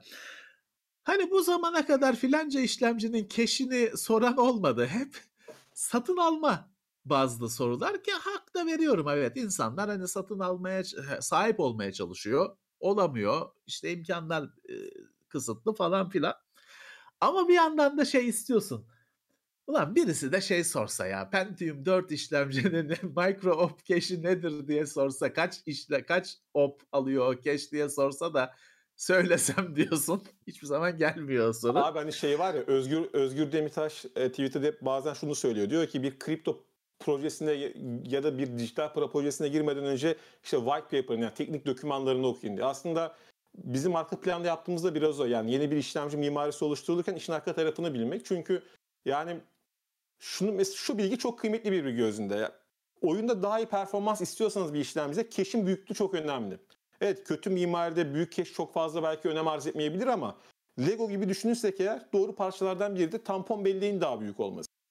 Ama şimdi sen bir taraftan bunu anlatmaya çalışırken diğer taraftan da Intel'in i9 işlemcilerde gameplay, Call of Duty oynadım hızlı. Yani şimdi bir de bu şimdi tüketim tarafında bu da var. Şimdi orada işte doğru dengeyi yakalamak gerekiyor ki yayıncılığı da aslında biraz şekillendiren de o. Yani yayıncı olarak Levent Pekcan'ın nereye gideceğini okuyucunun eğilimleri de belli bir oranda etkiliyor. Çünkü sen günün Tabii sonunda ki, belli bir yerden tabii. sonra hiç izlenmeyen içerikler üretmek istemiyorsun. Orada Tabii işte aynı dilli konuşmak ve ortak paydada da buluşmak gerekiyor ama dediğin gibi Tabii. yani özellikle o 90'lar 2000'lere bakıldığı zaman e, oradaki uzmanlaşmış ya da uzmanlaşmayı deneyen yayınlar bugün hayatta değiller. Ama ne yazık ki bu biraz da yayın, yayınların da bazı hatalar oldu. Şimdi dergiciliğin son demlerini ben Türkiye'de hatırlıyorum. Zaten dergicilik Türkiye'de hep iki ya da üç tane grubun kontrolü altında oldu. Yani derginin türü ne Evet. olursa olsun hep yayın grupları çıkardılar. Abi ben sıkı bir dergi okuyucusuydum. E, dergi bir, bir sene yakın dergi maceram da oldu 2005-2006'larda. E, hala da büyük bir arşivim durur. Yani bir yayın grubunun bütün teknoloji dergilerin bir alt kattaki ekonomi dergilerin başlığı aynı, kapak konusu aynı olur mu abi? İşte Yani. sosyal medyanın fırsatları diye bir kapak konusu. E şimdi hangisini alayım? Şimdi konuyu merak ediyorum. İş dergisini mi alayım? PC dergisini mi alayım? Teknoloji dergisini mi alayım? Ki Tabii. şöyle bir avant dergilerin şöyle bir avantajı vardı. Levent Pekcan her gün up to date olmak zorunda. Ama dergi Tabii. süreli bir yayın. Bir ayda vakti var. Evet. Bir Ama ay çal- bir ay abi. zamanın var. Evet Tabii, abi alıyorsun. Tabii, tabii, tabii. Levent Pekcan'ın ayın birinde üçünde anlattığı konuyu bir ay sonra sen konu diye koyamazsın dergiye. Koymamalısın. O zaman Tabii. yani olmaz. Türkiye Tabii, özelinde tabii. Türkiye'deki yayıncının böyle bir hatası oldu. İki kişi de dergi Tabii. çıkarmaya çalıştılar. Anlatılan Evet, konular da evet. online'da bir ay önce tüketilen konular oldu genelde. Tabii, Ee, tabii. Yani sadece ekonomik sebeplerin arkasına saklanmak da doğru değil abi. Me- Tabii tabii tabii. e, bu yayıncılık olayını çok kotaramadı. 90'ların sonundaki dergicilik çok efsaneydi Türkiye'de. PC Magazine, PC World Byte işte ki bunlar uluslararası ayaklar. Türkiye kendi dergi markasını da çıkardı. PCNet diye lokalde doğmuş bir dergi vardı yani bakıldığı zaman. Evet. Evet. Dot, Dot.net evet. diye bir dergi vardı. Lokal, yerel markalar bunlar. Ama Evet. o ekonomik krizden sonra, 2000-2001'den sonra bir daha bir şekilde kendilerini gelemediler abi bu yayınlar. Ee, yayıncılık anlamında ama o dönemin dergicilik ruhunun bugün online'da da belli hissedilmesi keyifli olurdu. Valla orada Erdi onda tabii ki e, dediğin gibi bir ara bir sürü bilgisayar dergisi var ve bu dergiler hani şimdi benim içeride duruyordur PC World'un falan bazı sayılarını hani kendi yazımın olan sayıları sakladım ama bazı yazı sayıları şeyden sakladım. Ya yani 300 sayfa falan gibi yani şöyle kalınlıkta sayıları var. Hani o kadar içerik var, o kadar da reklam alınmış bu pazarın büyüklüğünü Yarısı ve reklam daha bir hareketliliğini. 150'ye Tabii, 150, e, tabii. 250 gibi. Ama ya 150 sayfa reklam. Hani Evet abi. ne kadar hareketli bir sektör, ne kadar e, büyük bir sektör. Çıkabilmiş, basılabilmiş. E, tabii internet e, bu, bu işin içinde olmalarına rağmen dergilerin hiç beklemediği bir yumruktu. E, hiç ayak uyduramadılar. Yani internet diye bir şey çıktı. e, bunda yayınlar çıktı falan filan. İlk önce hani böyle bir ya işte öyle amatör bunlar falan filan diye baktılar. Ve e, ben o zamanlar hem dergilerin mezarını kazan tarafta olan ama bir yandan da dergilerde çalışan bir adam olarak şunu hani yaşıyordu. Mesela dedim ya işte PC Magazine dediğin Ziff Davis, PC World dediğin IDG.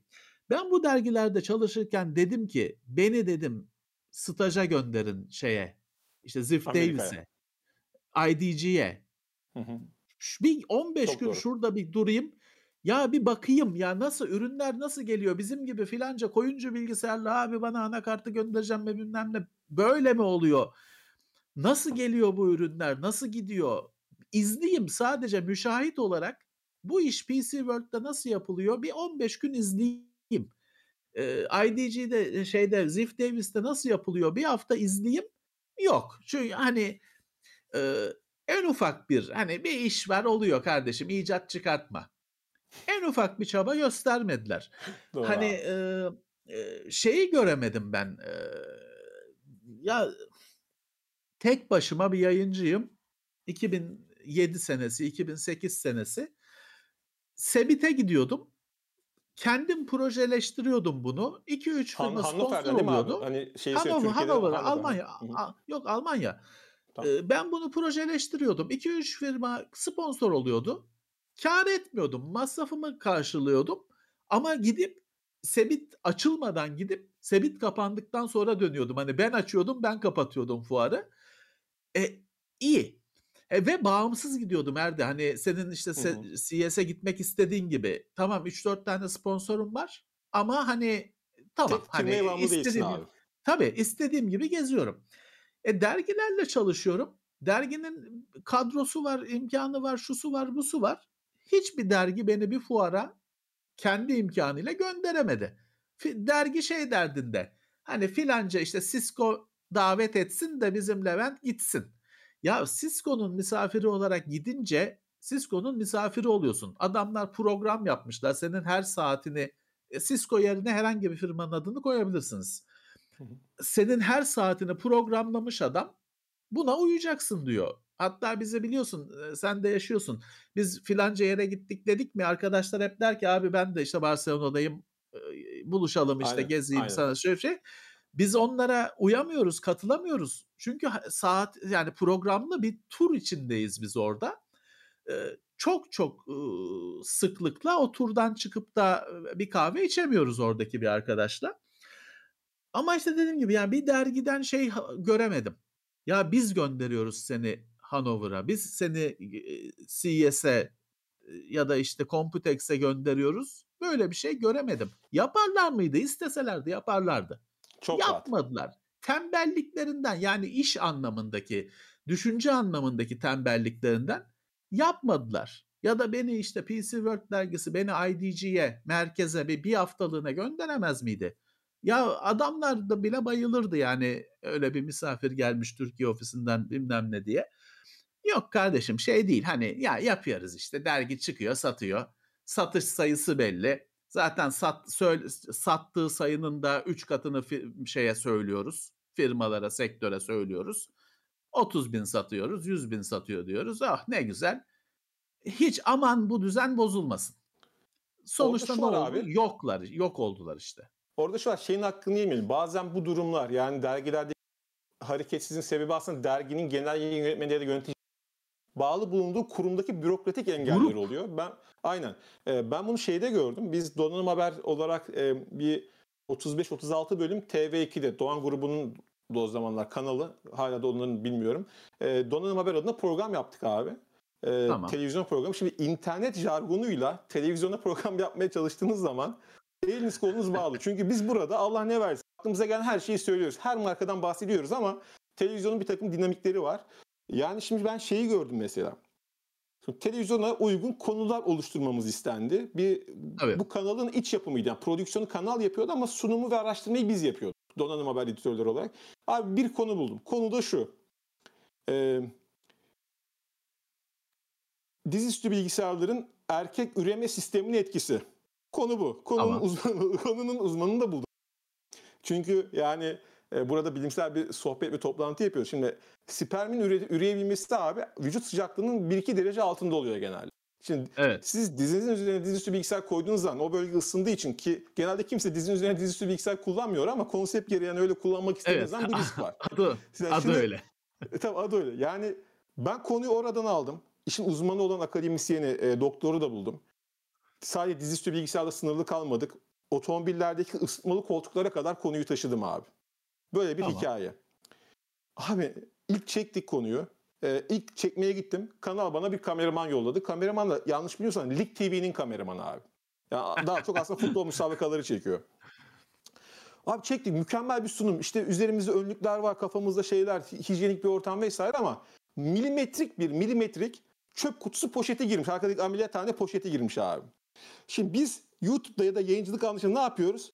Ha girmiş bu çok kolay biraz zoom gir biraz pan tilt bitti abi tamam hemen onu yayınlarız. Şimdi ye- televizyonda öyle pek olmuyormuş abi tamam? Görüntü neyse o karenin görüntü uyması lazım. Abi başka kameraman bulmak, yönetmenin gelmesi, gitmesi yani bak İstanbul içerisinde ikinci ya da üçüncü çekimden bahsediyorum. O kadar karmaşık ve bürokratik bir süreç gerektiriyor ki. Ee, yayın yani o dönemin büyük gruplarındaki yayıncılığın bu kadar refleks göstermemesinin temel sebeplerinden biri bence de bu olabilir. Çünkü ya zamanında dergiler 98-99'da dergilerin ha, ticari anlamda kazandığı parayı Türkiye'de hiçbir yayıncı kazanmamıştır muhtemelen. Çünkü yani Tabii yarısı reklam, e, internet zaten emekleme aşamasında prematüre bir durumda. Teknolojiyi Tabii, öğrenmek, tabii, bilgisayar tabii. anlamak isteyenin önündeki tek bilgi kaynağı dergi. Evet, tabii tabii. O dönem Hepimiz dergileri de tabii e, sözünü kestim. E, unutma e, biliyorsun bir, birden çok dergi alıyorduk. Hani Tabii, tabii, hepimiz e, dergi okuyucusuyduk. Sen devam et. Abi orada şöyle bir durum var. Yani o dönem, tabii o dönem sağ, yani nitelik de iyi. Yayınlar da güzel. Ha, sonrasında Tabii. internet çıkmaya başlayınca dergilerin son silahı şu oldu. 5 tane CD. Bir alıyorsun içinden 5 CD çıkıyor abi. Evet, Ya evet. PCNet dergisi CD, bir CD, MP3 CD'si veriyor. İçinde müzikler vardı abi. Değil mi? Britney Spears'ın misal veriyorum. Murat Gamsız remix'i vardı abi içinde. Remix koyuyor bir de yani. Şimdi telif muhtemelen o dönemde yine böyle e, emekleme aşamasında bir telif hikayesi de var. İşte oyun demoları var. E, çünkü internet herkese çok yani Tabii, şey tabii, değil, yaygın çeke- değil. Çekemiyorsun dial-up modemle o demoyu. Dergi CD'si kovalıyorsun. Versin diye. Abi, aynen. Almanya'daki dergiye bakıyorum aynı dönemde. Abi bir tane dergi hani uzmanlaşma dedik ya bir donanım dergisi. İşlemci daha iyi overclock etmek için anakartta iki tane direnci birbirine bağlayacağım kablosunu ver- Ee, ama tabii e, çoğu onların da çoğu aslında internet yayınları. Bugün mesela PC World dergisini hala takip etmeye çalışıyorum. Mesela YouTube kanalını adamlar yeni yeni 200 bin aboneye getirebilirler. Orada şu an Gordon diye bir e, kıdemli bir yöneticileri var. Uzun yıllardır genel yayın yönetmeni. Onlar bile büyük imkanlara sahip olmalarına rağmen e, YouTube'da büyümekte zorlanıyorlar. Çünkü YouTube abi başka bir ekolü temsil ediyor. Yani yeni jenerasyon Tabii, yayıncılık. tabii. Yani 90'ların dergicilik e, fikri mülkiyetini 2020'lere taşımak istediğin zaman tam olarak taşlar yerine oturmuyor. İşte o yüzden adaptasyon yani biraz da koşullara uyum sağlamak da çok önemli bence. Doğru, doğru. Ee, Hele teknoloji kadar çok değişen bir zeminde, değişen bir platformda hani e, 1980'de baba dergi yapıyorduk. Bunu işi de yaparız. Öyle olmuyor. Olmuyor. Ee, her şey yaşlı kalıyor. Murat, e, sende Evet. kesin sorular vardır, bir şeyler vardır. Vallahi Biz çok sohbet ediyoruz.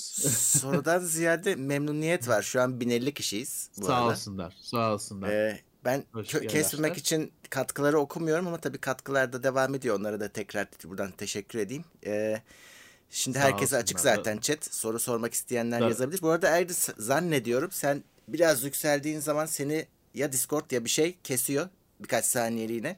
Senin Mümkün tarafından mı? hareketsiz dur. Yok. e, hareket sesi. yok.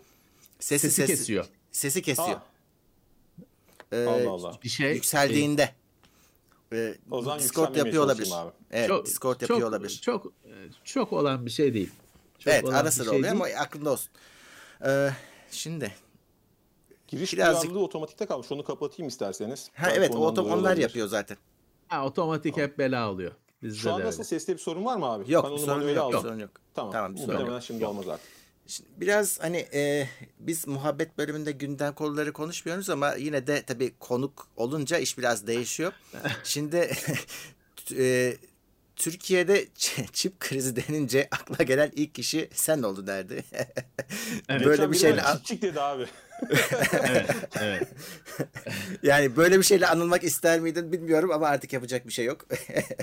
E, Ya o yüzden o, e, sen çok mesai harcadın o Evet. işe. E, çok ders de, en başta konuştuk ya sen ders çalıştın çok. Bu arada şeyi söyleyeceğim hani o çip krizini mutlaka konuşacağız da ya çip dergisi şey diye başlık atmış geçen ay.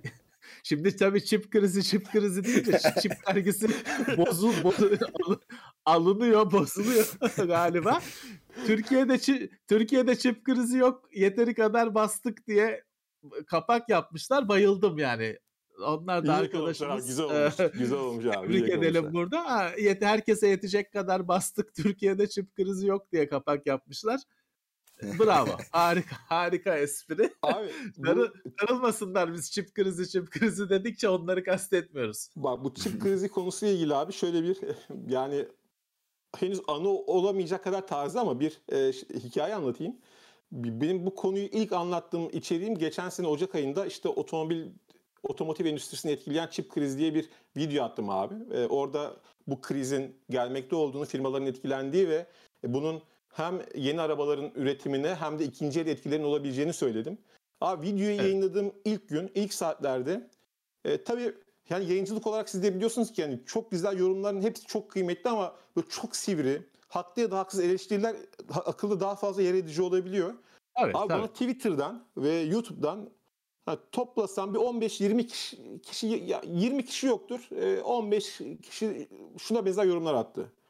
Sarı sitenin satılmış elemanı, otomobil galericileri, galericilerin silahşörü, işte ondan sonra acıma söyleyeyim yani sen kimsin? Sen bu konuyu ne anlarsın? Otomobil üretiminde sıkıntı yok. Fiyatları mı yükselteceksiniz? Piyasa manipülatörleri spekülatörler falan. Yani 15-20 yıllık yayıncılık hayatımda ya o 15 kişinin o 15 yorumunu muhtemelen hiç unutmayacağım. Şimdi şöyle bir durum var. Yani e, bazı şey ya bazı konuları ya da bazı gelişmeleri takip ettiğiniz zaman bazı şeylerin nereye gidebileceğini öngörmek e, nispeten daha kolay oluyor.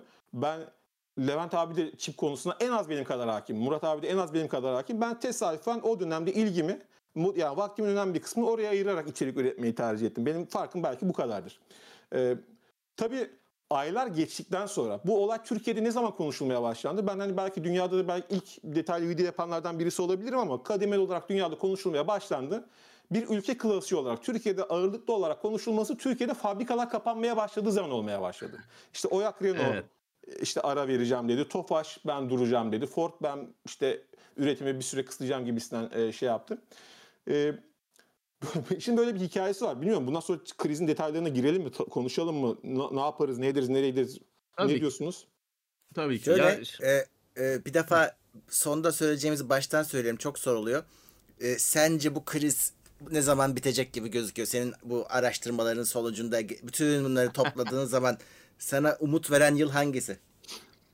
Abi şimdi bu konuda yani çip sektörü bile mutabık olabilmiş değil. Ee, Evet. Her firmanın kendisine göre farklı bir projeksiyonu ve açıklaması var. Ee, bazı firmalar daha iyimser. 2022'nin ikinci yarısında e, eski normal olmasa bile 2021'deki kadar kötü olmayacağını söylüyor. Bazıları ise durumun e, vehametinin 2023'e belki sonuna kadar süreceğini söylüyor ama muhtemelen e, daha hissedebileceğimiz rahatlama zannedersem 2023'ün ilk yarısı içerisinde olmaya başlar diye düşünüyorum. yani 2022 e, pek umut aslında vermiyor. Para parayı bu adam- birik para Benim kameranın şarjı bitecek gibi ben ona bir adaptör bağlayayım aynı zamanda. Ben bağla bağla. tamam. yani par- para biriktirmeye devam edin. Pek bir şey alamayacağız. Evet. Kötü. Valla e, bir yandan hani geçen hafta krizin başından beri tek olumlu herhalde sözler geçen hafta Nvidia'dan geldi. 2022 ikinci yarısında hani rahatlar gibi dedi. Hmm. Hani bitiyor demedi de rahatlar dedi. Ee, ama bilemiyorum.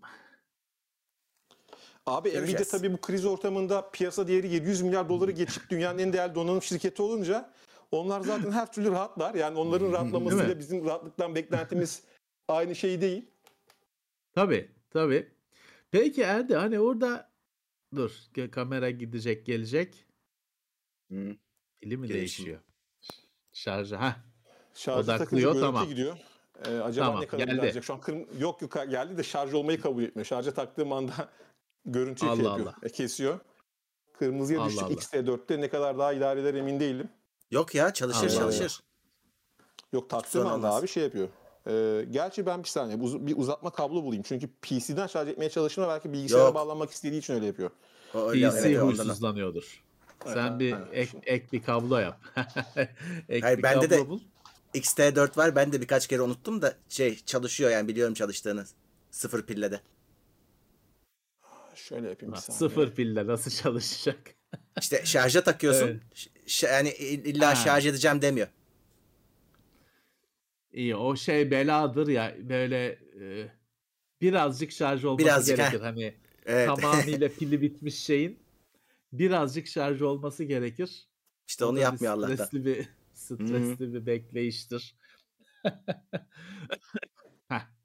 Şimdi şarj oluyor gibi görünüyor. Tamam. Herhalde Tamam. Bize Tamam, geçmiş Kusura olsun. bakmayın bu görüntü için özür demek? dilerim. Ha, bizde de oluyor her zaman böyle şeyler. Abi şey- aslında e, hani e, şu var. E, ne zaman başladı bu iş? Bir de hani Covid mi? Tayvan'daki kuraklık mı? Bir ana neden var mı? Yoksa bir Abi sürü şöyle- neden birlikte mi geldi? Şöyle yani son bir buçuk senedir yaşadığımız hani doğru ifadeyle gerçekten tam bir kusursuz fırtına yani. Ne kadar kötü şey olabilecekse hepsi bir araya gelip zaten Hepsi oldu. piyasayı silkeledi. Ama yani hani ya- aslında belki yaygın olarak öyle kabul edebiliriz. Yani pandeminin başlangıcı bir şu an yaşadığımız çip krizinin başlangıcı gibi düşünülebilir ama bunun öncesi de var tabii. Bu dijital dönüşüm dediğimiz dalgayla birlikte e, hayatımızdaki her şeyin dijitalleşmeye başlaması. İşte diğer taraftan IoT dediğimiz bu kimlerinin şeytanet diye çevirdiği, kimlerin nesne, nesne internet dediği bu kavram da tabii ister istemez etkiledi. Çünkü şöyle bir durum var abi biz belki farkında değiliz ama özellikle bu 5 büyük teknoloji şirketi ve arkadan gelen onlara rakip olmak isteyen teknoloji şirketlerinin bu dijital dönüşümde data center tarafında, veri merkezi tarafında muazzam yatırımları var. Şu an çip üretimiyle ilgili kaynakların önemli bir kısmını onlar sömürmeye çalışıyorlar ki paraları da çok. Çünkü Tabii. yani Facebook şu an yani kaynak bulabildiği kadar veri merkezini büyütme derdinde. E, keza Google da öyle, keza Apple da öyle. Apple'a bir bakıyorsun dijital en hızlı büyüyen e, iş birimi dijital servisler. E, dijital servisleri büyütebilmek yani Apple Music, iTunes'u büyütebilmek ve dünyanın her yerinde aynı kalitede hizmet verebilmesini sağlayabilmek için abi data center altyapını büyütmen gerekiyor ister istemez. Tabii. Zaten hani geçmişten gelen bir dalga var çünkü sonucunda şöyle bir durum var. Yani çip üretiminde kapasiteyi arttırmak, e, başka sektörlerdeki gibi o hadi dostum yan tarafa bir üretim hattı daha koyalım, üretim bandı daha açalım olmuyor abi. E, burada en başta ciddi bir fizibilite ve projeksiyon yapılması, ona uygun üretimin gerçekleşmesi gerekiyor. O da şöyle, e, şu andaki kapasite, şu an dünyada kullanılabilir, bugün itibariyle aktif olarak çalışan bütün üretim hatları ağzına kadar dolu, yer yok. Hatta e, bundan dolayı çip üreten firmalar sürekli olarak fiyatlara zam yapıyorlar. E, Evet. Daha önce vermiş oldukları bazı iadeli üretim sözleşmelerinin hepsini iptal etmiş durumdalar. İstemezsen ben zaten hazır müşterim var benim. Çek git kardeşim tarzında bir yaklaşımları Evet. var. E, dolayısıyla şu anda e, tüm sektörlerin rahatlayabileceği bir kapasite yok. E, çünkü bütün üretim hatları full çalışıyor, çalışmakta. Dolayısıyla bizim rahatlayabilmemizin aslında tek sebebi yani rahatlayabilmemizi sağlayacak tek önemli gelişme yeni fabrikaların ve üretim kapasitelerinin devreye girmesi. Orada da şöyle bir durum var. Bir çift fabrikasının temel atmadan hacim üretime başlamasına kadar geçen süre e, üretildiği ülkeye göre 3 ila 4 yıl arasında değişiyor. Bazı ülkelerde 2 yıla kadar da düşebiliyor. Hatta geçen günlerde onunla ilgili bir grafik gördüm. Grafik konusu şu. Çip fabrikaları hangi ülkede hangi sürede kuruluyor? Mesela Amerika'da kurulum süresi yavaşlamış. 900 güne çıkmış mesela. Çin hızlı. Tabii adam da çok. Ya inşaat süresi 600 küsür günlerde. Ya ben istiyorum ki Türkiye'de gelsinler E- çip fabrikası. Bizim Türkiye'de bizim müteahhitler onu 300 günde de kurar. Yeter ki gelsinler. O çip fabrikası yatırımı yeter ki Türkiye'de gelsinler. Yani hani biz onu 300 günde de bitirebiliriz. Ondan eminim. Onda herhangi bir şüphe yok. Ama ortalama bakıldığı zaman fabrikanın temellerinin atılması çünkü fabrikada özellikle bu clean room dediğimiz ortamlar yani bu herhangi bir Evet. ameliyathaneye kıyaslandığı zaman 10 bin katı daha temiz olan ortamlar e, işin en e, zor kısmı, kurulması en zor olan kısmı orası. Fabrikayı bitirdikten sonra bir başka zorlu süreç var. İçindeki tooling dedi, yani ekipmanları bulup içeriye dizebilmek. Evet. Çünkü Evet. e, litografi makinesi dediğimiz yani şimdi teknik detaya çok kafa karıştırmak karıştırmayalım bu saatte ama yani bir çipin üretilebilmesi için o makineye ihtiyaç var. Evet. O makineyi de dünyada üretebilen ülke ve şirket sayısı belli. En büyük en büyükleri ASML dediğimiz Hollandalı şirket. Hatta bazıları son 3-4 yılda Türkiye'de de duyu- duyuyoruz. Çünkü işte Aselsan mühendislerinin, TÜBİTAK mühendislerinin Hollanda'ya göç ettiği ve bu şirketle çalışmaya başladığı tarzında çok fazla gündem konusu haberler de olmuştu. Onlar var. Bir Alman şirket var. İşte Japonlar var. Canon, Nikon gibi şirketler de belli oranda bu makineleri yapıyor. Şimdi Çinliler de yapmaya çalışıyor. Ya abi bakıyorsun litografi makinesi çip üretimi için önemli. Abi çip krizi olduğu için çip üretecek makine de üretilemiyor. Bir de böyle bir sorun Makine var. de. Yani yani Evet. çünkü o çiple çalışıyor bakıldığı zaman. Ee, ki onlar da sonucunda senede üretebildikleri litografi makinesi sayısı böyle 7-24 full mesai çalışırlarsa 40'ı 50'yi geçmiyor. Ama dünyadaki talep yüzlerce. E, dolayısıyla e, bir arz talep dengesizliği buna bağlı olarak da bir kapasite sorunu var. Ay, Diğer taraftan da az önce senin söylediğin doğanın bir takım olumsuz e, etkileri var buraya. Aslında doğanın olumsuz etkileri e, demeyeyim ama tabiatın insanlardan intikam almasını yaratmış olduğu bazı sonuçlar var. Yani Tayvan'da kuraklık yaşanıyor. Kuraklık yaşandığı için çip üretimi zarar görüyor. Neden? Evet. Yani çip üretiminde su çok önemli. Sadece bir fabrika günde 150 bin ton su kullanıyor ki o su da ultra saf su olarak geçiyor. Bizim içtiğimiz sudan bin kat daha temiz olduğu söyleniyor. Daha saf olduğu söyleniyor. Evet. E, şimdi zaten Tayvan önemli çünkü dünyanın en büyük çip fabrikası TSMC Tayvan merkezli olarak çalışıyor. İkinci büyük e, üretim kenti ya da kampüsü diyebileceğimiz yer Amerika'da Texas. E, Austin bölgesi özellikle. Abi Texas geçen sene 2021'in Şubat ayında tarihinin en sert kışını yaşadı. Yani Doğru. kulağa tuhaf gelecek belki ama şunlar bak şunlar yaşandı Amerika. Amerika'da tek Texas'ta en büyük eyalet yani bir sürü de Amerikan başkanı çıkmış üstelik oradan. Şunu yaşadılar.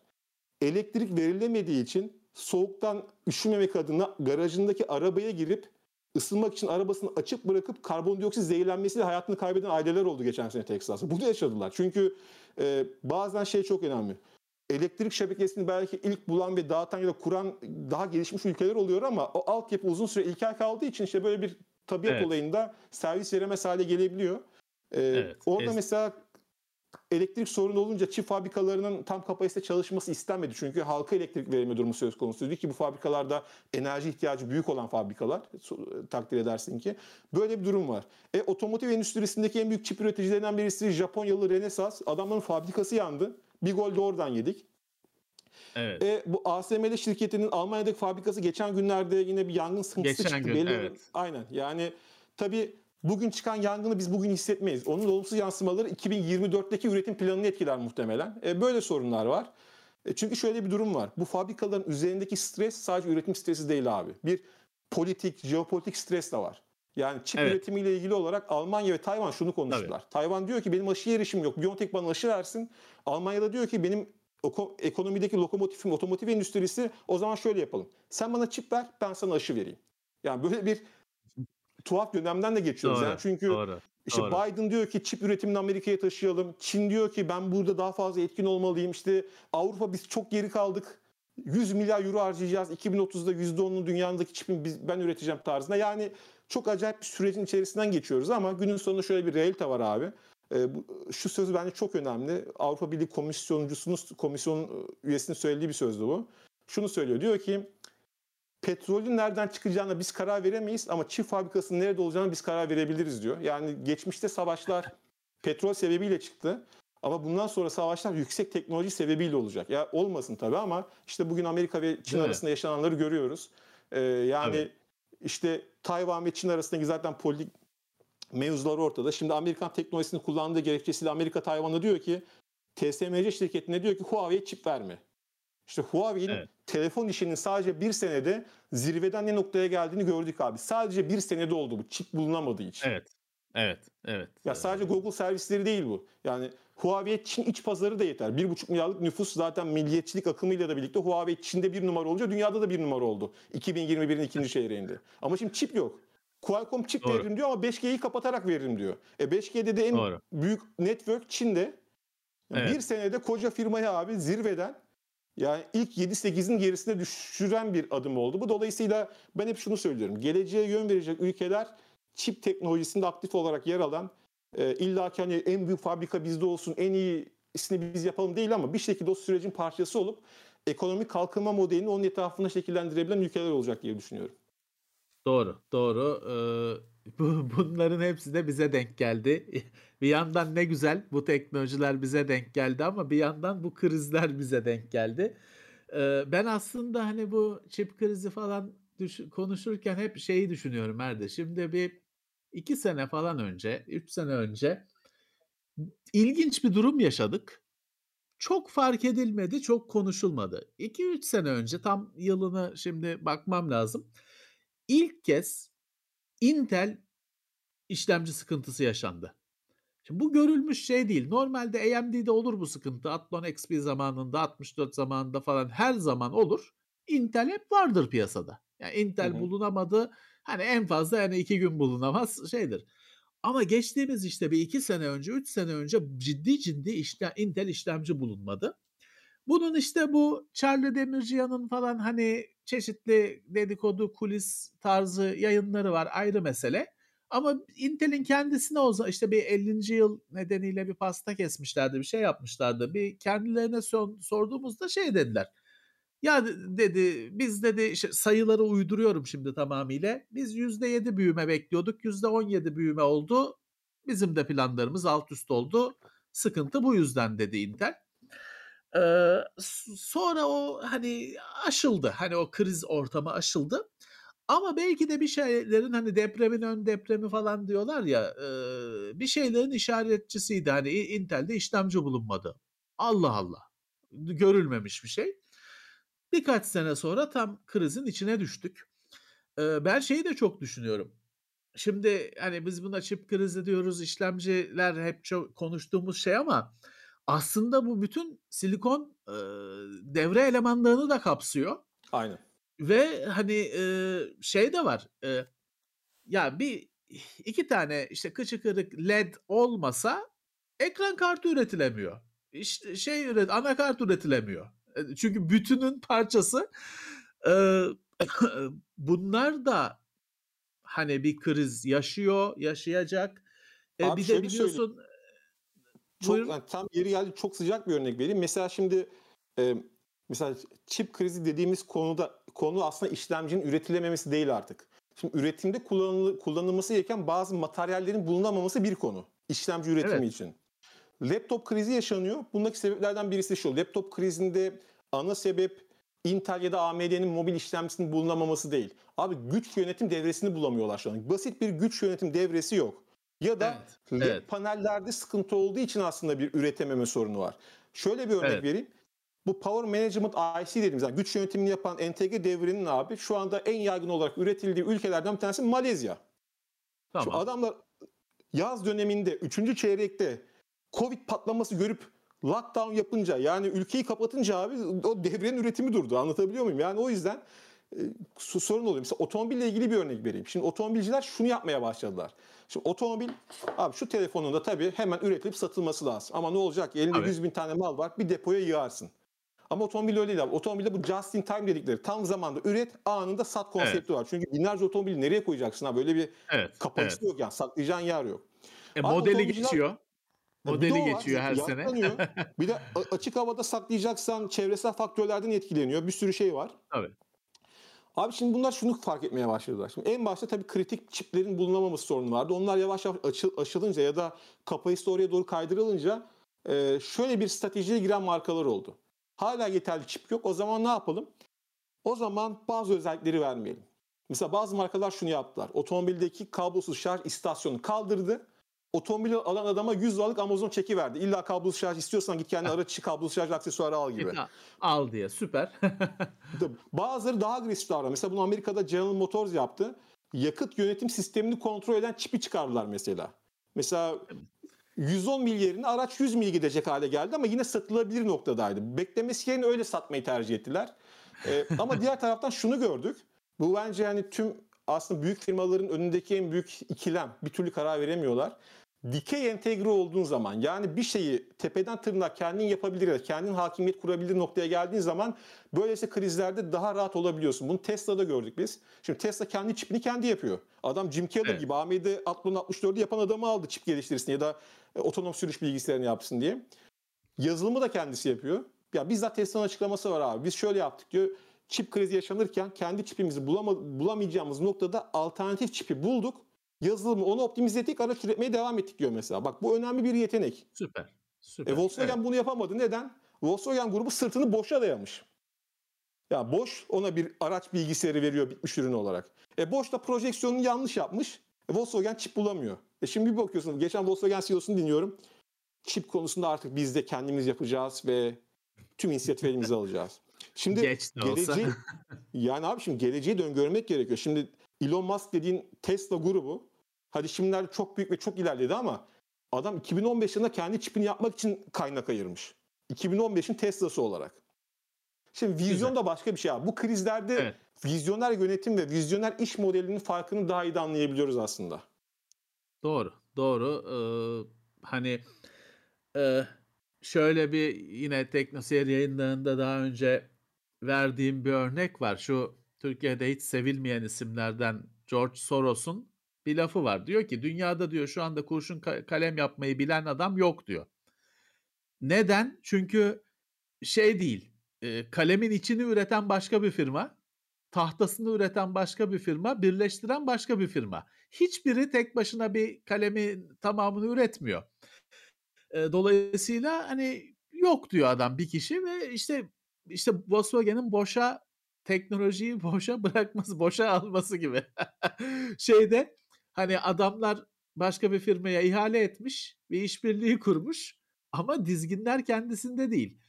Biraz bana bu şeyi düşündürdü Erdi. Şimdi mesela Microsoft huysuz bir firmadır iş dünyasında. İş yapması zor bir firmadır ama şöyle bir özelliği var işte. Mesela adam kendisine ait olmayan hiçbir teknolojiye güvenmiyor ve onun alternatif kendi mesela PDF ya açık bir standart falan olduğu halde adam işte yok ODT falan bir şeyler uydurdu.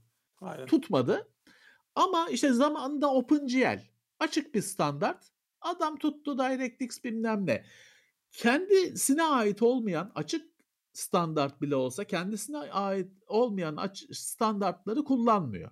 Onun yerlisini kendi içindesini icat ediyor. İşte şimdi şey düşünüyorsun. Belki de adamın böyle bir bildiği var. Yani kimse ele muhtaç olmayalım. böyle bir beklentisi var da, şu, belki de. orada da şu var. Ee, sene 2007 %55 pazar payıyla tüm telefon dünyasında hükmeden Nokia belki de bir bildiği vardı dedi herkes. 5 sene sonra battı abi. Şimdi tabii bu Microsoft ölçeğinde bir şirket için kolay yani şimdi, şimdi Microsoft'a bakıldığı zaman şu an parayı nereden kazanıyor? Aslında parayı bize temas ettiği ürünlerden değil. Arkada Azure'dan kazanıyor abi. Arkadaki o büyük Tabii. cloud operasyonu asıl karlılığı getiriyor. Tabii tabii. Ya Microsoft tarafı yorumlarında haklısın. Ya bugün ama tuhaf da bir durum var. Microsoft dediğin şirket abi bugün senden 2 lira para istiyor H265 kodekini kurmak için. 2 lira istiyor Evet. senden abi. Bunu arka Evet. tarafta kendisi de tolere edebilir. O maliyeti kendisi de Tabii üstlenip ki. Tabii tamam ki. Yani bunu tabii sana ki. yansımayabilir. İşte orada Tabii ki. modeli seçmek önemli. Yani bugün Apple dediğimiz şirkete bakıldığı zaman abi ya Microsoft Office'e o ayarda ya da değil. Ama işte kendi Keynote uygulamasını, kendi Excel'i alternatif uygulamasını içinde veriyor abi. Anlatabiliyor muyum? Yani Öyle. Tabii tabii tabii. yani geçmişin modelleri artık çok fazla işlemediği için orada doğru yol ve yöntemleri de biraz bulmak ve kendi konfor alanından çıkmak gerekiyor. Çünkü günün sonunda önemli olan şey kullanıcı deneyimi oluyor. Yani geriye dönüp baktığın zaman Adobe uzun yıllar boyunca Photoshop'u 1000 dolara satmaya çalışıyordu. Şimdi 9.99'a sana abonelik yöntemiyle vermeye çalışıyor abi. Şimdi yeni Tabii, dünya düzeni tabii, oraya doğru tabii. gidiyor. Neden? Yeni Tabii. kuşak artık bu ürünü satın almak istemiyor. Ama bu ürünü ilk deneyimleyen kişi olmak istiyor. Şimdi arada bir fark var. Tabii tabii. Ya biz eskiden Blu-ray alırdık. DVD almak için D&D'nin kapısını aşındırırdık. Şimdi abi Netflix'e gelmiş mi diye bakıyorsun. Evet. İşte tabii otomobile de ki. öyle. Ben TOG, TOG'la Tabii ilgili ki. olarak da o yorumu hep paylaştım. Şimdi otomobilde şöyle bir şey var. Çok kısaca onu da söyleyeyim. Yani bir modelin geliştirilmesi, devamının gelmesi 6 ila 8 sene sürüyor denir genellikle. İşte geliştirme süreci 2 yıl, üretilmesi, satılması, end of life olması. Şimdi demek Tamam. ki bir otomobilin devamının gelmesi için yani 2023'te ya da 24'te çıkacak bir aracın gerçek anlamda devamını 2030 diye düşünelim.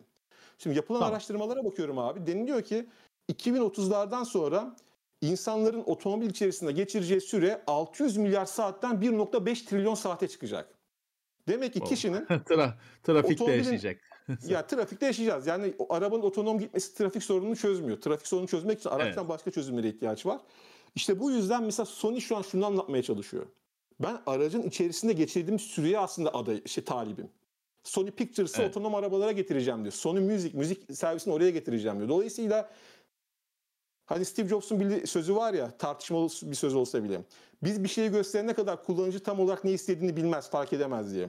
İşte Evet. biraz tüketicinin isteklerinin 2-3 adım önünden gidip geleceği çizmek gerekiyor. Tesla biraz onu başardı. Şimdi diğerleri de gelmeye çalışıyorlar ama özellikle sen de biliyorsun ki abi yazılım ve çip gelişimi sürecindeki açık orayı kapatmak çok kolay değil.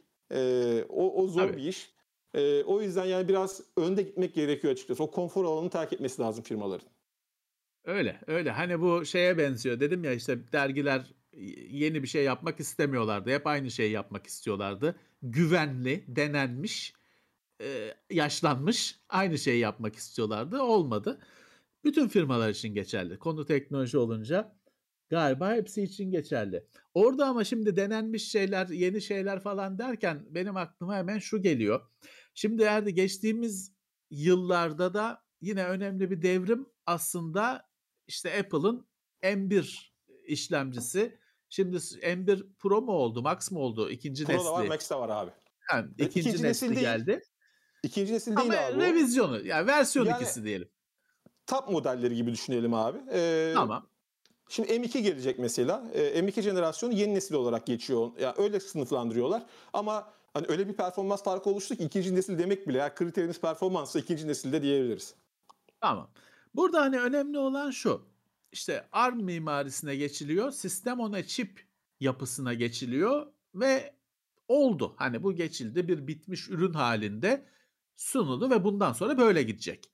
Şimdi tabii PC yani o da PC de hani IBM PC ya da Wintel X86 dünyasında PC. Ha, x86 PC bizim bilgisayarlarımızın dünyasında merakla böyle kenardan bakılıyor. Ulan orada ne oluyor diye. Çünkü bambaşka bir şey ve PC dünyasına yine hatalı olarak PC diyorum farkındayım ama öyle alışmışız. IBM PC Gerçi dünyasına Apple da, bu Apple şey. ayırıyor abi. Apple da öyle ayırıyor. Mac ve PC o zaman diyor iyi. onlarda. O zaman iyi. PC dünyasına daha rahat şimdi söylüyorum. Ee, böyle bir gelişimin gelmesi bayağı zor. Çünkü bir merkez yok bu dünyada. Hani işlemcileri başkaları üretiyor, sistemleri başkaları üretiyor, o işletim sistemini başka birisi üretiyor. Ama bir yandan da ya bu devrim hani e, gelecek mi? Sen ne düşünüyorsun? Abi Hani bu bir şöyle, devrim mi gerçekten? Yoksa hani Apple biliyorsun sözü sana vereceğim. Ee, son olarak şunu söyleyeyim. Apple geçmişte de işlemci mimarisi değiştirdi Doğru. ve bunu başardı. Motorola işlemciler kullanıyordu. Intel'e geçti ve yaptı bunu gayet güzel bir şekilde. Hani at arada küçük pürüzler falan elbette olmuştur ama bu geçiş gerçekleşti. Şimdi bir daha geçiyor işte. PC dünyasında böyle bir şey olur mu? Gerek var mı? Sen nasıl görüyorsun bu, bu konuyu? Abi şöyle, e, şimdi tabii Apple'ı seversiniz, sevmezsiniz. Beğenirsiniz, beğenmezsiniz. O bambaşka bir konu ama teknik olarak bakıldığı zaman Apple abi her zaman sıra dışı şeyler denemiş. Şöyle bir örnek vereyim. 1987'de Apple'ın Scorpio adını verdiği kendi çok çekirdekli işlemci tasarımı var. Tüm dokümantasyonları hazır. Sonra üretilmeme kararı verilmiş. Ayrı bir konu. E, ama bunların ileri teknoloji araştırma grubu diye bir özel grubu var. Bunlar onu da e, temellerini atmışlar. Sonra 90'ların başında bugün ARM, ARM diye bildiğimiz şirketin ortak kurucusu Apple mesela. Evet teknik Tamam. tarafını Apple oluşturmamış ama o dönem Newton diye bir bilgisayar yap- yapmak istiyorlar. Taşınabilir kompakt 7'ye cihaz Evet. yapmak istiyorlar abi.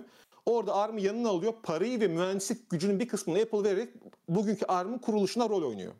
Yani dolayısıyla Tamam. ARM'a e, aslında uzak bir şirket değil teknik olarak bakıldığı zaman. Aslında bu süreç içerisinde de Apple bir bile değil iki defa komple platform değiştiriyor. Önce 90'larda Motorola işlemciden PowerPC'ye geçiyor. Daha sonra Tamam. 2000'lerin başında abi PowerPC'den ki PowerPC biliyorsun Apple, Motorola ve IBM konsorsiyumunun e, Evet. bir ürünüydü. Sonra da Intel'e geçiyorlar. Intel'e Şimdi, yap, şimdi yaptıkları şey e, ARM tabanlı. Tabii biz ARM işlemci diye anlatıyoruz ama aslında ARM IZA ile ARM komut setiyle uyumlu bir Apple işlemciden bahsediyoruz burada. Yani Tamam. tamamıyla ARM'dan bir şey alıp üzerine Apple logosu koyup yapılmış bir ürün değil. Evet. Çok ciddi bir emek ve arge sonucunda ortaya çıkan bir çip ve e, gördük ki M1 ile beraber bir işlemci hem çok hızlı olup çok performanslı olup hem de aynı zamanda verimli, az ısınan ve uzun ömrü sağlayabilecek şekilde çalışabiliyormuş. Bu bizim x86'da alışık olmadığımız bir konsept. Evet, Evet. yani son bir- birkaç jenerasyondur AMD ve Intel'de eskiye nazaran daha iyi batarya süreleri sunuyor ama Apple'ın yaptığı şey bambaşka. Çünkü ARM'ın doğası gereği abi bilgisayar pilde de aynı performansı veriyor, prizde de aynı performans veriyor. Şu an PC'nin en büyük sıkıntısı o. Notebook'u prizden Evet. çıkardığın anda grafik performansı unut. Hadi işlemci kendini koruyor ama GPU Tabii. performansı %80-90 gidiyor. Dolayısıyla Apple'ın e, konsepti çok büyük kırılmalara sebebiyet verecek çünkü ARM tabanlı bir tasarım yapmak o kadar e, şey ki iyi bir mimari oluşturduktan sonra Lego gibi abi. Daha fazla core koyuyorsun, daha fazla core koyuyorsun ve ortaya fantastik ürünler çıkabiliyor. Ha Apple'ın iyi yaptığı bir şey var. AMD'nin özellikle bu Fusion işlemcilerden beri yıllardır konuştuğu ama bir türlü mantıklı bir ürüne dönüştüremediği bu UMA dediğimiz bir konsept var. Unified Memory Architecture yani ortak bellek mimarisi. Bir çipin Evet. içerisindeki tüm bileşenlerin belleğe aynı anda erişilebilmesi konusu. Abi işletim sistemini kendisi yapınca, yazılımların, ana yazılımların önemli bir kısmını kendisi yapınca, arka tarafta da mimariyi oturtunca Apple pat diye birden tüm işlemci dünyasını böyle sağlam bir şekilde silkeledi. Onların önü çok açık. PC tarafına bakıldığı zaman kanaatimce PC'nin rekabetçi olabilmesi için, AMD ve Intel'in e, pozisyonunu koruyabilmesi için daha fazla risk alarak daha inovatif şeyler yapmaları gerekiyor. Bunun, ki bunun iki sebebi var. Birincisi Apple. Çünkü Apple orada satış rakamlarına bakıldığı zaman MacBook'ların satışları son çeyrekte çok ciddi bir artış yaşamış. Oran olarak en hızlı büyüyen ürün gruplarından bir tanesi. Dolayısıyla bir Apple faktörü var. Bir de sizler de biliyorsunuz ki bugün Microsoft, Alibaba, Tencent, Apple, Google, Facebook bunların hepsi Intel'in Xeon, AMD'nin Epic işlemcilerini kullanmak istemiyorlar artık. Hepsi kendi işlemcisini yapmaya başladı. Yani orta uzun vadede en karlı işlemcilerde de pazar payı kaybedecekler. Dolayısıyla yepyeni inovasyonlara ihtiyaç var. Burada da ışık var mı dersen var. O da şöyle.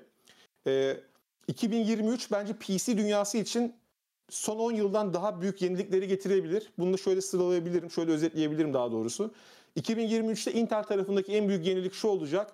Bu Jim Keller dediğimiz işlemci dünyasının yaşayan efsanesi olan AMD'yi iki kere kurtaran Apple'ın çip tasarımındaki öncülerden birisi olan bu adamın başlattığı işlemci çalışması sıfırdan boş kağıda başlattığı çalışma 2023'te ilk ürün olarak önümüze gelecek Intel'de. Bir bunu görmek gerekiyor. AMD Tamam. tarafına bakıldığı zaman AMD'de şöyle bir durum var. AMD Xilinx denen firmayı satın aldı. E, Xilinx FPGA dediğimiz çip türünün, işlemci türünün ya da hızlandırıcı türünün babası, mucidi olan firma. E, şu an Evet. onaylanmadı ama onaylanmış gibi düşünülüyor genelde. AMD'nin yapacağı şeyin şu olduğu söyleniyor. 2023 ve sonrası için bildiğimiz işlemcinin içerisine FPGA türü çipleri hızlandırıcı olarak koyacak. Bu önemli. Neden? Çünkü Apple'ın çipine bakıldığı zaman bir bakıyorsun video render'da inanılmaz performans sunuyor. Neden? Video kodekler için içinde akıllı telefon misal hızlandırıcı bir motor var. Bu X86'da Tamam. bizim görmediğimiz bir şey. X86 ne yapıyor? Ses işlemeyi aynı çekirdeğe, görüntü işlemeyi aynı çekirdeğe. Evet. Excel'in çalışması aynı çekirdeğe yaptırıyor ama yani burada bir benefit sağlamıyor iş yüküne göre. AMD'nin bunu yapacağı söyleniyor. Yani hibrit işlemci yapıp X86'nın yanına FPGA koyup belli video kodeklerini hızlandırarak deneyimi zenginleştireceği söyleniyor. Zaten Intel ve AMD'nin kendini değiştirmesi gerektiği ortada. Burada bir sürpriz firma var. O da Qualcomm. Sebebi de şu. Zaten biliyorsunuz Windows, Microsoft'un Windows 10 ARM diye ARM tabanlı Windows çalışmaları 10 yıldır devam ediyor. Var. Pek bir noktaya getiremediler Evet. ama e, e, paldır yani tepe taklak giden bir orada çalışma var. Şimdi Qualcomm şöyle bir şey yaptı. Bu Apple'da vay canına dediğimiz, o olamaz dediğimiz, nasıl yapmışlar dediğimiz M serisi işlemcilerin temellerini atan yani mühendislik takımının lideri isimler Apple'dan ayrıldı ve kendi şirketini kurdu. Nuvia diye bir şirket. Ve kendi işlemci mimarilerini yaptılar. Bir buçuk sene önce paylaştıkları ilk prediktif e, performans analizinde, performans tablolarında mevcut tüm x86 işlemcilerin önünde bir performansı vardı. Qualcomm bu firmayı satın aldı abi. Bir küsür milyar dolara, 1 milyar dolar civarında bedelle tüm ekibi bünyesine kattı ve son finansal toplantıda Nuvia'nın geliştirdiği işlemci mimarisine sahip Qualcomm işlemcilerin 2022 sonundan itibaren notebooklar öncelikli olmak üzere dizüstü bilgisayar, telefon ve sunuculara geleceğini açıkladılar. Dolayısıyla eğer bu olabilirse Microsoft tarafı da bir şekilde ARM'da çalışan Windows'u biraz daha ayakları basar hale getirebilirse biz böyle 24 saat çalışan, sürekli açık, kapalıyken bile tüm bildirimleri alan, iyi performans veren, belli iş yüklerinde hızlandırma yapabilen çipleri e, hem Qualcomm hem de diğer firmalarda görürüz gibi düşünüyorum.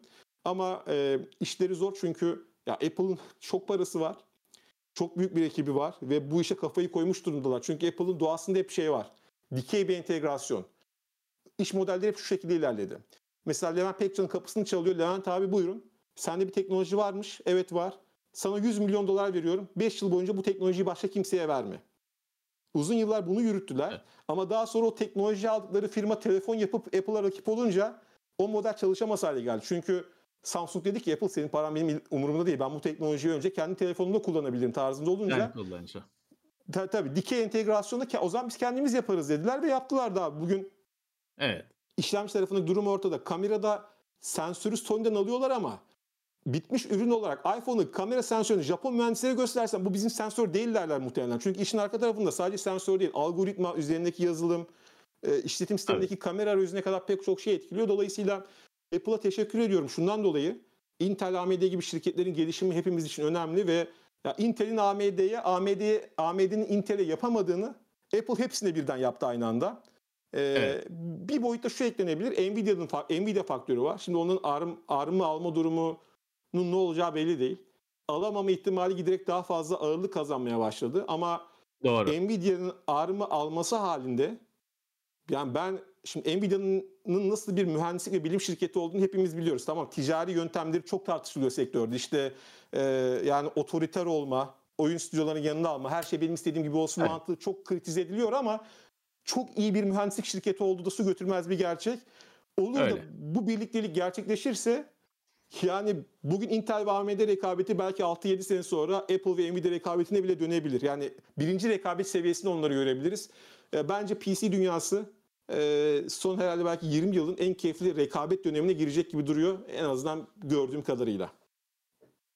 Ama burada herhalde işte e, zayıf halka şimdi Apple e, inovatif şeyler yapıyor ediyor. Çünkü işte her şey kendisinde. Kendi Doğru. evinde gerçekleşiyor her şey. Ama burada işte sen bir işlemci tasarlayacaksın. Dell laptopu yapacak. Microsoft işletim sistemini yapacak.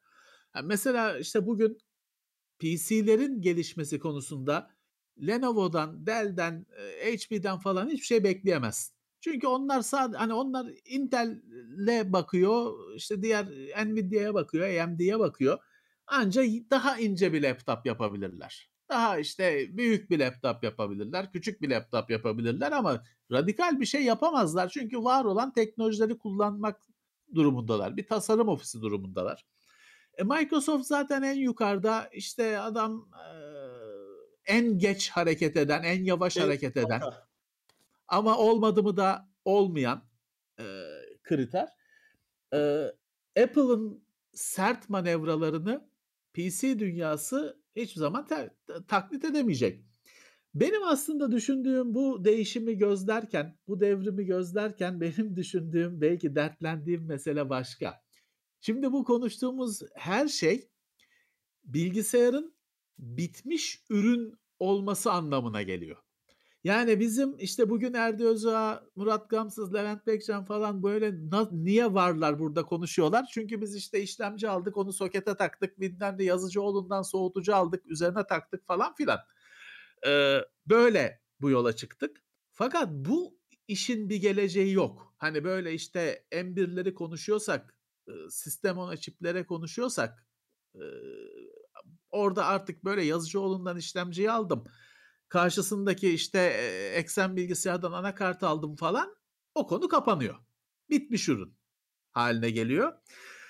Ee, bir yandan gerekli görüyorum bunu. Ama bir yandan da tabii üzülüyorum çünkü ah, hobi olarak da olsa işte işlemciyi bilmem nereden alıp filanca soğutucuyu eski anakartın soğutucusunu takıp falan filan bizi var eden konseptler, keyif karlı olmasa uzun süredir karlı değil o iş ama keyifliydi, hobiydi. Ee, maalesef bilgisayarın o evde toplama çağı kapanıyor. İstesek şöyle- de istemesek de. Şöyle söyleyeyim zaten bunu iPhone'da uzun yıllardır yapıyorlardı ama telefon olayı farklı dinamikleri olduğu için ayrı bir konu. Şimdi mesela Apple'da şimdi M1 işlemci var, M1 Pro var ve M1 Max var. Şimdi sen herhangi bir M1 işlemcisinin kaç megahertz'e çalıştığını biliyor musun abi? Pazarlaması bile o yönde yapılmıyor. Anlatabiliyor muyum? Yok. Tabii, tabii. Ondan bahsetmiyor abi. Diyor ki M1 var diyor. MacBook Air'ı ya da MacBook Pro'yu böyle alabilirsin. M1 Pro var diyor. İçindeki grafik çipini güçlendirdim. M1 Max var diyor. Her şeyin en iyisi. Şimdi pazarlamayı bile o seviyeye indirgeyen bir anlayış var abi. Anlatabiliyor muyum? Yani Evet, çekirdek sayı evet sunumunda ha şunu da göz ardı etmeyelim bu arada. Bizim sektörde de aslında bu konuşmayı yapanlar var. Yıllarca hep şu dendi. Yayıncıların da bir kısmı bunu kullanır abi sen de biliyorsun. Ben teknik özelliklerle ilgilenmiyorum ya. Ben deneyim anlatmayı seviyorum. Şimdi yani teknik özelliklerini anlatan kişi deneyim anlatmıyor mu? Şimdi bir deneyim teknik özellikten bağımsız düşünülebilir mi? Bunun en güzel örneği de aslında Apple oldu. Apple yıllarca teknik özelliklere çok girmeyen sunumlar yapıyordu. Evet. Ama abi son 5 yıldır keynote'larını bir izliyorsun sunumun yarısı işlemciyi nasıl geliştirdim, işte içine grafik birimine ne yaptım, onu nasıl yaptım işte artık bunları anlatır hale geldi. Neden? Çünkü Evet. abi telefonun form faktörünü belli çizgilerin dışına geliştiremeyeceğine göre, telefonun temel Evet. bileşenleriyle ilgili olarak sınırların belli olduğuna göre fark yaratabileceğin temel alan işte burası olmaya başladı. Yani işin beynini oynamaya başladılar. E artık çipin korunu yani işlemci çekirdeğinde bile çok fazla fark yaratamama durumu söz konusu olduğu için şu an firmalar niye konsantre? NPU, yapay zeka hızlandırma motoru Evet. ya da GPU. İşte ya Samsung diyor ki AMD ile beraber ekran mobil grafik birimi yaptım diyor. Telefona onu koyacağım diyor. Ray tracing var diyor. Ya ray tracing'i biz daha PC'de oturtamadık. Evet. Evet. Şimdi- Telefonda nasıl ama olacak? İşte bunların farklılaşma arayışları yapılması güzel. Tabii. İleriye dönük olarak belki bazı şeylerin temelleri de atılıyor ama dediğinde haklısın abi. Şimdi bu değişim e, bazı bilindik ezberleri veya ya da alışkanlıkları da sert bir şekilde değiştirecek. O PC üreticileri konusundaki yorumunda da şöyle bir şey var. Dediğin gibi yani sonuçta işlemciyi geliştiren Lenovo değil. Ha Lenovo ya da HP ya da Dell'e bakıldığın zaman da onlar da elinden gelen her şeyi yapmışlar abi. Bir laptop alıyorsun, ekranı dönüyor, kalemi var, pili iyi gidiyor, performansı iyi, soğutması güzel. OLED ekran kullanılmış. Yani adam zaten yapabileceği her şeyi de yapmış aslında. Ama günün Siz sonunda nereye takılıyor? Kend, sözünü unutma. Kendisine sunulan e, ekipman parçalardan olabilecek en ideal bilgisayarları bir araya getiriyorlar. Ama o Abi işte sık- o Lego parçalarına muhtaçlar. Kendi Legolarını Sıkı- yapamıyorlar. Sıkıntı Microsoft abi. Windows olmuyor. Ya Windows artık bu ekosistem taşımıyor abi. Bak Apple bu M1 dönüşümünü yaparken sonuçta x86'ını ARM'a geçerken abi Rosetta dedi emülatörün yeni versiyonu yani 90 2000'lerde kullandığı Rosetta'nın Rosetta 2 emülatörünü çıkardı. Adamın yaklaşımı şu. Diyor ki emülasyon performansı düşüren bir konu. O zaman ben emülasyonu şöyle kullanacağım. Rosetta 2'de sen bir uygulama kurarken kurulum aşamasında ben emülasyon yapacağım. Kullanım aşamasında değil.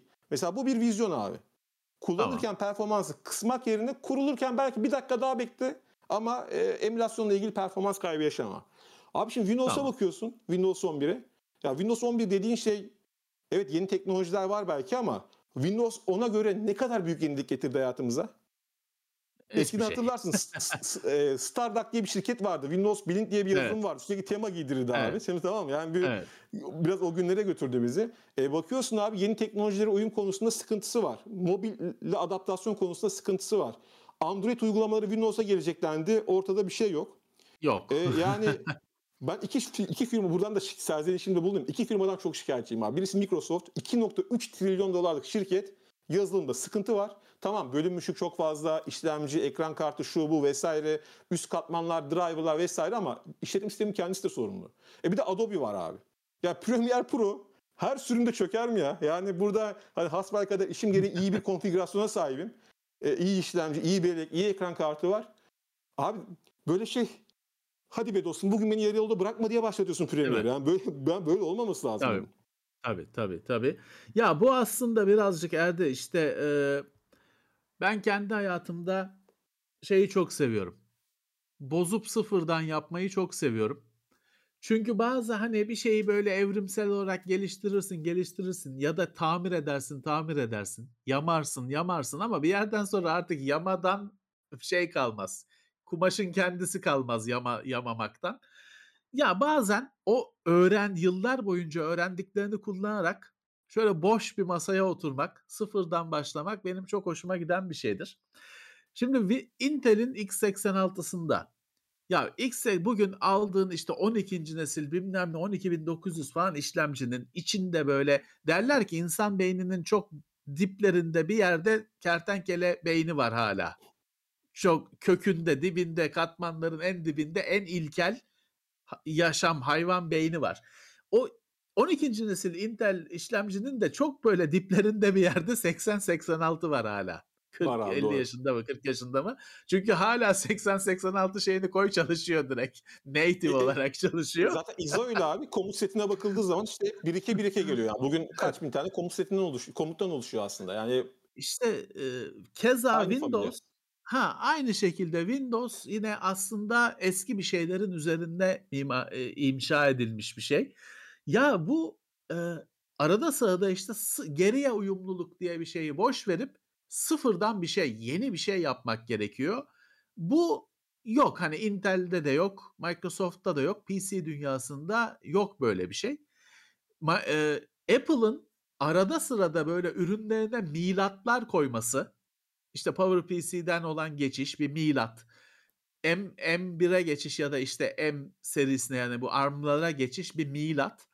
Böyle milatlar koyması bir de böyle masayı bir temizlemesi falan firmanın bir avantajı diye düşünüyorum.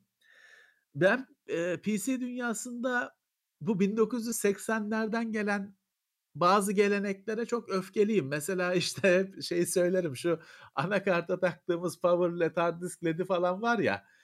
Ya bir ya 40 yılda şunun bir standardı olmaz mı be kardeşim? Yani bilgisayar gibi teknolojinin şahikası bir şey üretiyorsunuz ve hala o hard disk LED'i bazı anakartta böyle bazı anakartta şöyle bazısında bilmem nereye takılıyor. Yeter be. Ulan 40 senede mi çözemediniz bu sorunu? Hani bu bilgisayarı nasıl yaptınız? Bunu çözemiyorsanız şey bilirsin güzel bir bilgisayar toplarsın. Kasa, anakartı taktın. Her şey çok güzel işlemcinin üzerinde soğutucu. Sonra power kablolarını takmaya başlarsın ve her şey gider. O güzellik, o Estetik düzen. yani. her şey gider. Şöyle şimdi bir ana baba bir anakarta 4-5 tane sırf power kablosu takıyorsun. Güç taşıyan kablo takıyorsun. Ya yeter ne yapıyorsunuz siz? Hani bu ne? Ve şey 40 senede hiç mi değişmez? Gerçi o power işi değişti. Kimse farkında değil. Ayrı mesele. 12 volta indi sadece. Önümüzdeki yıl görürüz herhalde. Belki bu yıl sonuna doğru görürüz. Ya bu işte atalet eskiyle uyumlu olacağız, destekleyeceğiz diye yeniyi mahvetme, yeninin potansiyelini tam çıkartamama, sakatlama PC dünyasının bir kusuru. Sırtındaki heybe, maymun derler yabancılar da pek anlaşılır mı bilmiyorum. E, herhalde işte Apple o maymunu atıyor sırtından şöyle bir 10 senede 5 senede e, çok rahatlıkla bir şey oluyor. Yüklerinden Abi kurtulup beyaz sayfa açıyor. Şunu ekleyebilirim. Yani bu saate kadar artık izleyenler biraz daha tekniğini belki merak ediyordur. Yani bu yani şu an kullandığımız yorumun çok doğru. Şu an kullandığımız aslında PC'nin temel yani konsept anlayışı işte 1940'lara kadar gidiyor. Bunun işte Neumann denen tasarım anlayışına kadar varıyor. İşte işlemci bir yerde, RAM bir tarafta, bir tarafta depolama birimi, bir anakart, bir kontrolcü vesaire. Ama özellikle ekran kartları ve işlemcilerin hesaplama kabiliyetleri o kadar arttı ki abi. Şu an sorunlardan birisi bunların birbiriyle konuşabilme sıkıntısı. Yani yeterli Evet. band genişliğiyle, yeterli hızda ve rahatlıkla konuşamıyorlar. E şimdi Apple'a bir bakıyorsun abi. Şimdi aynı çipin içerisine artık DRAM'i de koymuş durumda. Şimdi Evet. diyor ki adam ya ben bunların işlem gücünün farkındayım. Bunların mümkün olduğu kadar kısa sürede mümkün olduğu kadar geniş ve ferah bir şekilde birbiriyle konuşabilmesini istiyorum diyor. Temel avantajlardan birisi de aslında burası. Bunu zamanında işte AMD yapmaya çalıştı. Bu HBM dediğimiz bellekler işte çipin yanına koyalım bellekleri daha kısa sürede olsun vesaire. Orada da sorun şu. Şimdi mesela yeni, yeni bir Ryzen işlemci gelecek. Bu 3D V-Cache dediğimiz yine daha Evet. fazla cache'e sahip olan tasarım. Abi üretim teknikleri şu an çok e, bunlara yüksek adetlerde üretebilecek olgunlukta değiller. İkincisi tabii maliyetler yükseliyor. Şu an bir finansal yarış da var bir taraftan. Yani özellikle Doğru. borsadaki değeri koruma, yatırımcılara karşı daha fazla para kazandırma gibi bir heves de dolu pandemi döneminde. Ee, benim endişem de bu. Bu borsadaki değerleme açısından hani orayı korumak için risk almamayı tercih edebilirler mi? Umarım etmezler. Bu beni korkutuyor. Çünkü bu atalet yorumuna %100 katılıyorum. Biz bunun son örneğini katılmayanlar belki olabilir ama Boeing'de gördük abi. İşte Airbus'un Neo hamlesine yetişebilmek için yeni bir uçak yapma projesini rafa kaldırıp işte 730-50 yıllık uçak tasarımını bir modifiye daha yapabilir miyim deyince 350 kişi hayatını kaybetti. Evet. İşte yani evet. o, dua etsinler kriz pandemi dönemine denk geldi de havacılık durdu. Durmasaydı şu an Boeing diye belki şirket kalmayacaktı. Yani evet. işte Ve çok ucuz kurtuldu. Firma çok ucuz kurtuldu. Doğru söylüyorsun abi. Yani Airbus tarafının yaptığı şey aslında o atalete takılmak yerine biraz daha yeniyi denemek daha. Yani aynı fikirdeyim. Belli dönemlerde bazı riskleri üstlenerek ama doğru riskleri üstlenerek abi yeni bir sayfa açmak e, ilerleme için kıymetli. Çünkü kimse elini taşın altına koymayınca. Ya bugün Nvidia Ray Tracing'den bahsediyor. Abi konuyu bir araştırdım. Adamlar 2000'lerin başına doktora programı başlatmışlar. Doktor öğrencilerine sponsor olma programı. İlk mezunları şu an Nvidia'nın VP seviyesindeki çalışanları olmuşlar. İlk projeleri genelde Ray Tracing üzerine. 2000'lerin başı. Evet, 18 yıl evet, sonra, evet. 19 yıl sonra adam bunu ürünleştirebilmiş.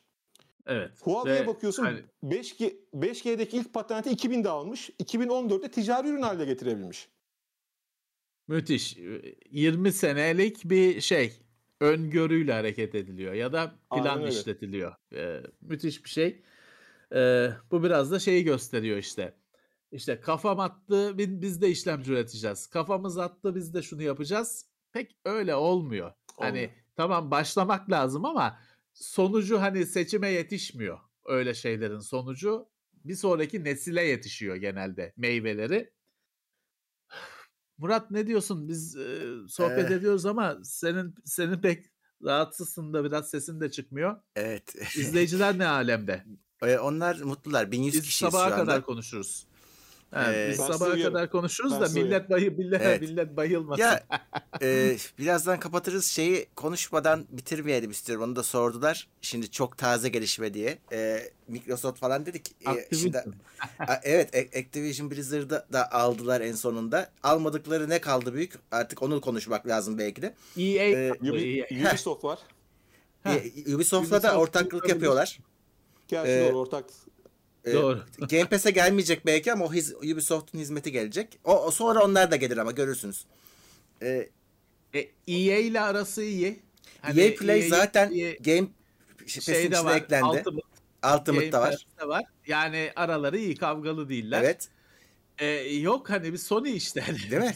Sony kaldı karşılarında kimse yok. Ya evet. Yani çok Şimdi- ilginç.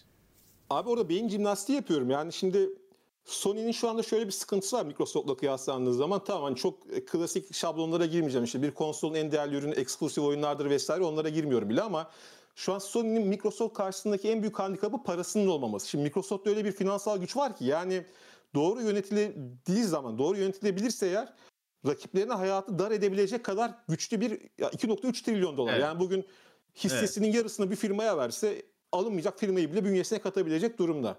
Şimdi Japonlarda şeyi Doğru. biliyoruz. Zor zamanlarda içer dışarıya karşı daha güçlü olabilmesi için içeride bir konsolidasyon durumu olabiliyor. Yani ben özellikle Levent abinin bu konu fikrini merak ettim. Sony ile Nintendo arasında böyle daha organik bir yakınlaşma olur mu sence orta uzun vadede? Ee, Nintendo o kadar e, huysuz bir çocuk ki bu oyun bu oyunda bu e, parkta hani e, bir kere şey var. O tamam Sony ile Nintendo'nun yakın durmasını sağlar. Japonların büyük bir milliyetçiliği var.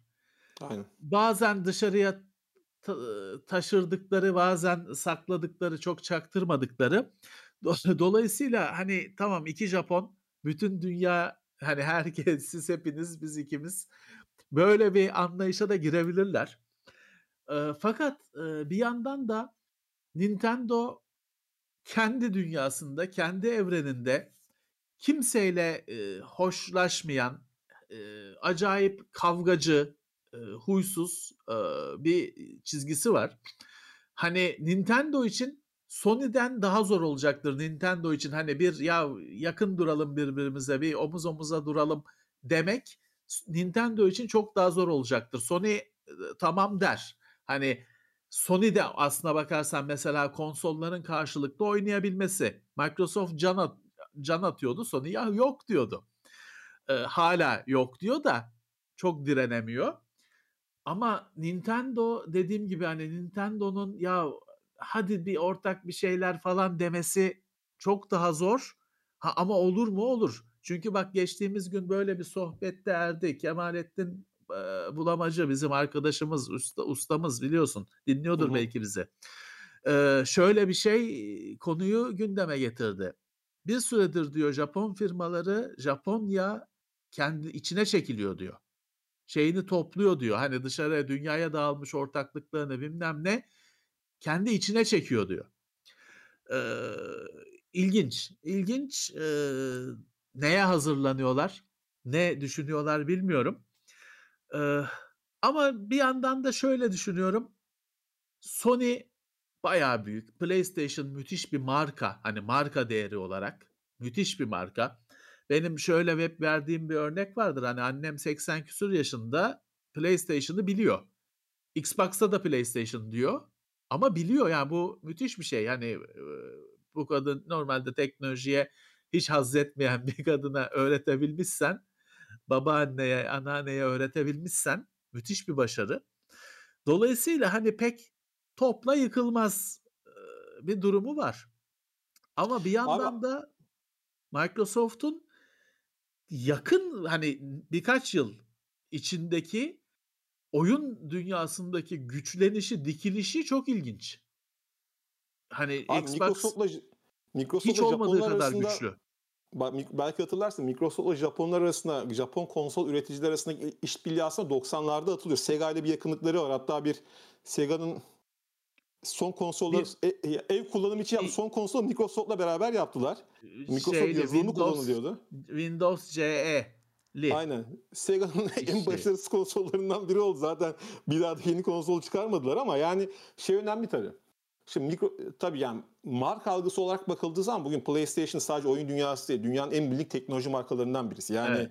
çok özel bir yeri ve ağırlığı var ama Microsoft'un bilmiyorum yani Activision Blizzard'ı alabileceği ihtimal durulana kadar herhalde kimsenin aklına gelen bir e, şey değildi yani. Son, son dönemde özellikle bu Game Pass'e karşı muazzam bir yatırımları var. Bunların hepsi şeyden geliyor aslında abi. Mesela Apple tarafında da ne diyoruz? Şu an en hızlı büyüme oranı dijital servislerde. Evet. Microsoft'un muhtemelen hayali her şeyi abonelikle satmak. Yani orta uzun vadede Tabii. her şeyi. Çünkü hatta bugün Twitter'da tartışması olmuş. Bir bizim kafeinsizden ya, yazmış galiba. Hani Microsoft duyuru yaparken Metaverse vurgusu da yaparak yazmış. Ne alaka var diye Evet. sormuş. Sonucunda hani Evet. o dönüşüm de önemli. Yani sonuçta bu oyun yani herhangi bir oyundaki her karakter Metaverse içerisinde bir karşılık bulabilir ya da bir NFT olarak da ticari değer getirebilir. Yani anladığım kadarıyla olayın Evet. ekonomik stratejisi bizim düşündüğümüz oyun konsol ilişkisinden de daha farklı gibi görünüyor. Doğru, doğru. Hani e, şeyi aslında bilmiyorum. Ne kadarı planlıydı, ne kadarı Microsoft için işler yolunda, şans yolunda gitti bilmiyorum. Ama e, ya ben e, oyun alanındaki doğru hamlelerden biri geçtiğimiz çok yıllar önce Wii çıktığında, Nintendo Wii çıktığında Wii hardware olarak hiç güçlü bir makine değildi. Yani o zamanın 360'ı, PlayStation 3'ü Doğru. falan karşısında hiçbir iddiası olmayacak bir makineydi. Fakat Nintendo dedi ki ben dedi şeyle kapışmayacağım kardeşim. O beygir gücünde Microsoft'la Sony ile kapışmayacağım. Ben dedi pastayı büyüteceğim. Hiç bugüne kadar konsol almayı düşünmemiş insanlara bile bunu oynatacağım, aldıracağım. Ben dedi ekmeğimi böyle çıkaracağım. Oldu. Çünkü benim hayatımda gerçekten hani hayatında bir şey her şeyi almayı düşünüp de oyun konsolu düşünmeyecek bir sürü kişi Wii satın aldılar. Ha birer oyuncu haline gelmediler. O Wii'ler bir süre sonra çekyatın altına falan gitti. Şimdi bana veriyorlar hepsini. Ben de bir işe yaratamıyorum. Hani birer böyle oyuncu haline gelmediler ama hayatlarında ilk kez bir konsol aldılar, kullandılar, keyif aldılar bir süre içinde olsa. Ve Nintendo istediğini başardı. Hani şey vardı dediler ki "Ya İngiltere kraliçesi bile Wii ile oynuyor demişlerdi. Müthiş bir şey bu. Müthiş bir şey ve başarı oldu. Oldu Wii özelinde. Hani e, böyle iyi fikirler, farklı meseleye farklı bakıp da bir şeyler elde etmek mümkün. Bu şeyde de biraz Game Pass'ta tekrarlanıyor. Çünkü mesela One S benim hani yanlış öngörülerimden biridir. One S değil, S series. Daha hala düzgün konuşuyor yapamıyorum. Çünkü şimdi biz böyle yok frame rate'e bilmem ne piksel sayısına renk derinliğine bilmem ne takılmış adamlar olduğumuz için S series'e ben bir e, şans vermedim. Herkes dedim eksi alır. Yani ben de eksi isterim. Herkes de eksi ister diye düşündüm. Ee, ama tabii şunu göremiyorum ben. Böyle işte ekrandan piksel sayan bir adam olarak. Ya birçok insan için oyun çalışıyor mu? O önemli ve tabii bunun ol, mümkün olduğu kadar ucuz olması önemli. Aynı Wii'de olduğu gibi ben S Series ve Game Pass sayesinde şey gördüm. Hayatında konsol almayı düşünmeyecek bir sürü insanın hatta ilginçtir ki hanımların çünkü genel olarak hani onların Netflix aboneliği alırlar ama konsol almalarını beklemezsin. Aldıklarını gördüm. İlk konsolları olduğunu gördüm. Ha orada şey dedim hani Microsoft'a şapka çıkarttım. Bravo. Hani herkes bizim gibi Z buffer'ın bilmem nesini saymıyor ekrandan. Görmeye çalışmıyor. Oynamaya bakıyor adam. Halo'yu oynuyor mu? Adam oynuyorum diyor. Abi şeydi 4K mı oynuyor? 1080p mi oynuyor? Umurunda değil ki. Sen de diyor Halo Infinite oynuyorsun. Ben de oynuyorum. Birlikte oynuyoruz. Tamam. Mesele bitmiştir. Ee, dolayısıyla hani e, bizim erde e, nerd bakışımız bazen de işte şey e, gerçek hayatta insanların beklentileriyle çok uyuşmuyor. Dark biz, oluyor abi. He, biz çipler, chipsetler, bitrate'ler bilmem ne bunlardan zevk alıyoruz. Konuşmaktan zevk alıyoruz, araştırmaktan zevk alıyoruz. Ama adamın derdi abicim oyun çalıştı mı çalıştı. Aa diyor grafikler güzel tamam. Hani e, ne diyeceksin? Keyif alıyorum dedi mi adam bitmiştir mesele. Sen ona biz diyoruz ki sen tamam keyif alıyorsun ama ya görüntü bintem şey değil. 720p. Adam diyor ki mutluyum kardeşim oynuyorum keyifle. Yüzde yüz haklısın abi. Yalnız ben burada bir ufak ekleme yapayım. O da şu. Microsoft'un bu satın alma süreci resmi olarak bitmiş bir aşama değil. Bir sürü yerden e, kontrol edilmesi gerekiyor. Ya da onaylanması gerekiyor. Dolayısıyla e, onaylanmaması halinde Microsoft'un Activision Blizzard'a 3 milyar dolara yakın bir tazminat ödeyeceği de söyleniyor. Hani akılın bir köşesinde durmakta fark ya bir köşemizde dursun. Resmi olarak bitmiş bir süreç değil. Çünkü anti tekel incelemeleri Tabii. eğer Sony ya da Nintendo Tabii. belki şikayet eder bilmiyorum. Çünkü çok Tabii. büyük yapımlar bunlar. Ve Microsoft'un bu yapımları alıp konsol agnostik yapabilir. Yani bunlar artık sadece artık Game Pass'te de Xbox'ta da diyebilir. Şirketin Tabii. sahibi olduktan sonra bu onun vereceği karar haline geliyor. Dolayısıyla %100 tamamlanmış bir süreç değil ama Microsoft gibi yüzlerce avukatı, onlarca hukuk bürosuyla çalışan bir şirkette hani bir şeylere güvenmeden de bu kimsenin zaten beklemediği Tabii. bir gelişme olduğu için Bodoslama'da duyurmaz diye tahmin ediyorum. Tabii. Bakalım bekleyip görmek gerekiyor. Ben aslında bu satın almada Microsoft'un Activision'ı satın almasından çok şeye şaşırdım. Geçtiğimiz hani 1-2 yıldır Activision ve Blizzard isimleri öyle çok belaya bulaştı ki Aynen. ve öyle çok hani sanal anlamda yani tırnak içinde kirlendi ki hani Activision eldiven ne olsa sevilmez bir duruma geldi. Böyle adı, doğru. adı bu kadar çok şeyle bu kadar adı belaya bulaşmış bir firmayı satın alması çünkü büyük olasılıkla bu olursa bu satın alma çok büyük olasılıkla Microsoft o tazminatları ödeyecek. Hani anlaşmayı öyle yapmışlardır. Ee, büyük olasılıkla Microsoft o davaları kapatacak cebinden e, o şey de zaten bela Activision'ın başındaki Kotick gidecekmiş eğer anlaşılırsa. Tamam Hı-hı. hani o yine gitmese zaten pes derdim. Yani adamı kovuyorlar gitmiyor, gitsin diyorlar gitmiyor. Neyse çok şaşırdım. Yani Microsoft'un hani aman Blizzard denilirken Blizzard'ı alması, Activision'ı alması ya hani tarihe geçecek bir hamle ya da belki de hani ulan ne yaptınız dedirtecek yıllar sonra bir hamle. Hani şimdilik ortada biraz mesele. Peki tekelle, ben... tekel olacak şeylerine ne diyorsunuz? Hani bu iş tekelleşmeye gidiyor. Microsoft her şeyi alıyor. İşte bunun sonu oyun dünyası için kötü olacak diyen de var. Ne diyorsunuz? Valla Murat abi sana şu, şu, bu soruya şöyle bir ekleme yapayım. Şöyle bir yorum da var. Microsoft bunu almasaydı Tencent alacak deniyor. Şimdi Çinlerin eline geçmesi Heh. yerine Amerika'da kalsın. Hani e, yani bu kontrol Tabii. bizim elimizde kalsın hissiyatıyla da böyle bir satın almanın yapıldığı konuşuyor. Çünkü hatırlarsınız bu TikTok olayında Trump'ın evet. bir özel ilgisi vardır. Bu teknoloji Amerika'da kalmalı, Amerika'ya gelmeli. İşte evet. e, ByteDance'de olmasın, Amerika'ya gelsinler. Hatta ByteDance bir arka kapı buldu. TikTok'u sana satarım ama algoritmayı vermem dedi vesaire tarzında. Dolayısıyla bir bu ticaret savaşının bir yansıması da bu işin evet. gerekçesi ya da gerekçelerinden biri olabilir mi? Bunu da konuşmak lazım aslında. Doğru, doğru. Çünkü TikTok'u Microsoft'ta TikTok'u al dedi Trump. Doğru. Hatta Microsoft istemiyorum dedi ya. Şey dedi bize dedi zehirli kadehi uzatıyorlar dedi hani bu şey adı. Ama hani devlet diyor ki al. Hani tabii şeyi bilmiyoruz hiçbir zaman. Hani kapalı kapılar ardında geçen konuları bilmiyoruz. Doğru söyledin evet. Şimdi dünyada silah e, şeyinde pazarında şöyle bir bilinen bir gerçek var mesela. Bu dağılmış bilmem kaç yıl olsa da dağılmış Rus cumhuriyetlerinden hala silah çıkıyor. Uçaklar çıkıyor. Ağır silahlar çıkıyor. Dünya silah pazarına Amerika alıyor. Şu anda Amerika'da bir sürü Rus uçağı var. Çünkü ben diyor almazsam ne olduğu belirsiz birileri alacak. E çok para da değil. Tamam MiG-21 mi ver diyor ben alayım. Belki araya aracı aracı devletler sokup aracı şeyler sokup alıyor.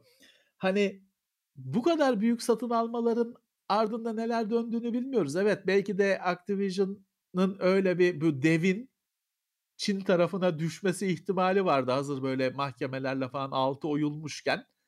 Belki de yine kapılı kapılar ardında dediler ki alın bunu bizde kalsın. Biz de sizi teşviklerle görürüz. Doğru söyledin. Bilmiyoruz evet o detayını da bilmiyoruz. Hiçbir Çünkü oyun, bilemeyeceğiz. abi oyun büyüyen bir endüstri ve toplumları etkileyen de bir endüstri. Dolayısıyla Tabii. sadece insanların eğlenmek için zaman geçirdiği içeriğin ötesine geçeli çok oldu. Ee, Evet. Bu anlamda et, şimdi Çinli şirketlere bakıldığında Tencent belki bugün pek çoğumuz farkında değil. Tencent de bir dünya devi. Borsa Evet. değeri 600-700 milyar dolara yaklaşan istediği pek çok şirketi satın alabilecek güçte ve çok değerli Evet. oyunlara da sahip. Mobil dünyadaki önemli oyunların bir kısmı yani Tabii. Klasik konseptteki oyunların bir kısmı da onlara ait ya da onların işbirliğiyle çıkan yapımlar. Çünkü Tabii, bu tabii, olay sadece tabii. oyunda değil abi. Şu an Çin etkisi şeyde de görülmeye başlandı. Hollywood'da, film yapımında da şu an Tabii. Çinliler her geçen çok daha fazla etkili olmaya başladılar. Hem Çin şu anda dünyanın en büyük sinema pazarı hem de dikkat edin. Ben en son aklıma kalan mesela Görevimiz Sedek Efemi'nin son serileri hep bir Çinli yapımcı partner var abi. Çünkü Tabii tabii. Eğlence unsuru toplumlar için çok kritik abi. şu anda izlediğin yeni filmlerin başında Çin logo çıkıyor. Yani Çince bir firma logoları çıkıyor. Bak ne Ali Baba kadar çok. bazen. Evet, ne kadar çok e, o şekilde başlayan film. Normalde işte Metro Goldwyn Mayer bilmem ne e, Fox falan. e, şimdi hepsinden önce bir Çince bir şeyler çıkıyor. İlginç, ilginç bir e, şey yaşıyoruz. Hani hep şey diyorlar ya ya Çin hani biz İngilizce falan öğreniyorduk. Bize diyorlardı ki kimileri ya Çince öğrenin işte Çin çağı geliyor falan filan ha ha deyip gönderiyorduk. Abi şu, Ee, şey, bil- şöyle bir örnek miydik? Şöyle şöyle bir örnek aklıma geldi. Onu çok kısaca paylaşayım hemen. Şimdi ben bir süredir şeyi takip ediyorum. Çin'deki yeni nesil elektrikli otomobil markalarının acayip markalar türemeye başladı ve çok Evet. değişik, fantastik böyle üstüne BMW logosu koysan dünyanın her yerinde anda satabileceğin muazzam otomobiller yapmaya başladılar. Abi işin arka planına baktığın zaman şunu görüyorsun. Çinliler yıllardır görüyorum fuarlarda da. Şimdi bir otomobil fuarı söz konusu olduğu zaman gerek bizim ülkemizden gerekse dünyanın herhangi bir yerinden birisi otomobil fuarına gittiği zaman ilk yaptığı şey otomobili çekmek değil. İlk yaptığı şey otomobilin yanındaki mankeni çekmek oluyor genelde. Ama Çinlilerdeki durum biraz daha farklı. Adamlar otomobil fuarlarına katıldığı zaman arabanın altını çekiyor, tekerini çekiyor, lastiği çekiyor ve daha sonra onu bir şekilde modelleyebilir miyim, aynısını yapabilir miyim e, temposuna giriyor. Dolayısıyla e, oradaki dinamizmi de göz ardı etmemek gerekiyor. Çünkü zaten bugün ülkeler arasındaki ticaret savaşlarının çoğu da isminde ticaret var ama başrol oyuncusu genelde teknoloji oluyor. Doğru, doğru. Teknoloji savaşı e, ticaret deniyor. Doğru. Evet Murat biz bayağı aştık hedeflediğimiz Evet. süreyi. Ne diyorsun? Kaptan sensin. Ee, artık gidebiliriz ya. Müsaade isteyelim mi? Evet. iki buçuk saat Ben oldu. sizi uyarım. Edersiniz ederim. Tamam dersiniz. Peki. Erdis çok sağ olasın. İyi ki geldin. Bunun artık hani bu tabii yetmedi. Biz sonra şey yaparız. Bir ikinci volume 2 yaparız. Ee, memnuniyetle. İyi ki Ne geldin. isterseniz abi. Ben de davetiniz için olasın, teşekkür sağ olasın. ediyorum. Ee, Sağ sizlerin olasın. tabii yeri her zaman farklı. Hem Teknoseyir platformunun hem de zaten... Şimdi son çok kısaca şunu anlatayım. Genelde dışarıdan Tabii bakıldığı zaman tabii ki. insanlar bizi şey zannediyor. Kanlı bıçaklı bunlar birbirine düşmanlar. da, Yolda evet, görseler selam evet. vermezler. Kavgalılar vesaire. Tabii her konuda mutabık kaldığımız söylenemez. Her konuda hayata aynı şekilde baktığımız söylenemez ama biz hem mesleğin getirmiş oldu. Yani meslekte başlayan daha sonra da diyalog gelişmiş. Ee, meslek erbapları hem de insan hayatta da arkadaşız. Kendi Tabii, WhatsApp tabii. gruplarımız var. Pek çok şey orada konuşuyoruz, orada tartışıyoruz. Tabii, bazen tabii. uzlaşamıyoruz, bazen birbirimize kızıyoruz ama e, şey değil yani. Şimdi Tabii ki. Ahmet tabii Us- ki. benim Ahmet Usta'dan duyduğum çok güzel bir ifade var. Sonra onu paylaşayım. Rekaberlik denen bir terim var abi. Hem beraberlik Evet. hem de rekabet etme kavramı. Bu çok günümüz değişen dünyasını, teknoloji değişen dünyayı bence anlatan çok güzel bir ifade. Rekaberlik yani rekabet her zaman şey değildir. Beraberinde arkada düşmanlık böyle aman Allah'ım bunlar bir araya gelemezler Evet, falan evet. filan. Yani biz teknolojiyi konuşmayı seven insanlarız. Biz bir araya gelmeyeceğiz de kim gelecek? Zaten yani Tabii, büyük tabii, oranda da aynı dili konuşuyoruz ve şey olduğu zaman gerisi sorun değil. Açık fikirli olup ben Levent abiden bir şeyler öğrenebileceğim, Murat abiden bir şeyler görebileceğimi bilmek abi. Bu açıklığa sahip olmak zaten sohbetin keyifli akmasına sebebiyet veren en temel şey. Çünkü kimse her şeyi en iyi Tabii. şekilde bilemez abi. Hepimiz birbirimizi bir şekilde etkiliyoruz. O anlamda ben Tabii. tekrar davetiniz için teşekkür ediyorum. Ben her zaman ne zaman Çok isterseniz e, elimden gelebilecek bir katkı olursa e, hazırım. Zaten takipçiler de istediği sürece yine bir araya geliriz. Sağ olun. Aynı şekilde. Aynı şekilde. Evet. Eee, senin girişiminde de başarılar. Her zaman Onu- yanındayız. Söyleyecektim Ee, tam. Şimdi ben e, linkini vereceğim zaten ve verdim de Evet. e, yorumla şeyde açıklamada videonun içine de sonra ekleyeceğim ama sonuçta Erdi ismiyle yazınca kanalı çıkıyor. Şimdi bir yandan da öyle bir şey var. FX oradan- 50 yazı aratınca da çıkıyor. O çıkıyor. Allah'tan isim ve soy isimde hani Türkiye şartlarında nispeten biraz sıra dışı. Evet. Dolayısıyla evet. hani şey değil yani ikinci bir benzerini yakalama ihtimali çok yok. Evet. evet. Ne güzel. Ne güzel. Ne güzel. Peki. Evet. Murat, Bu ne kadar. diyorsun? Ee, şimdi biz Cuma günü yine tabii ki buradayız gündemle. Yayındayız. konulu Tamam. vaziyette. Ee, orada yine bugün konuştuğumuz konulardan da tekrar geri döneceğiz Bir orada daha. merak etmeyin. Ee, evet Ee, ve orada görüşeceğiz. Tabii bugün sohbet bozulmasın diye chat'teki şey, katkıları okumadım. Ee, herkese o yüzden toptan bir teşekkür etmiş olalım. Herkes Evet. hakkını helal etsin. Sağ olsunlar. Evet. evet. Çok sağ olsunlar. Evet Ve- bizim sohbetimiz o kadar yoğundu ki eee, bakamadık ama tabii ki çok teşekkürler hepsine. Önümüzdeki e, yayınlarda tek, e, görüşmek üzere diyoruz. Erdi sana da tekrar teşekkürler. Ben teşekkür ederim. Kendinize iyi bakın. Görüşmek üzere. Peki, görüşmek üzere. Hoşçakalın. İtopya.com sundu.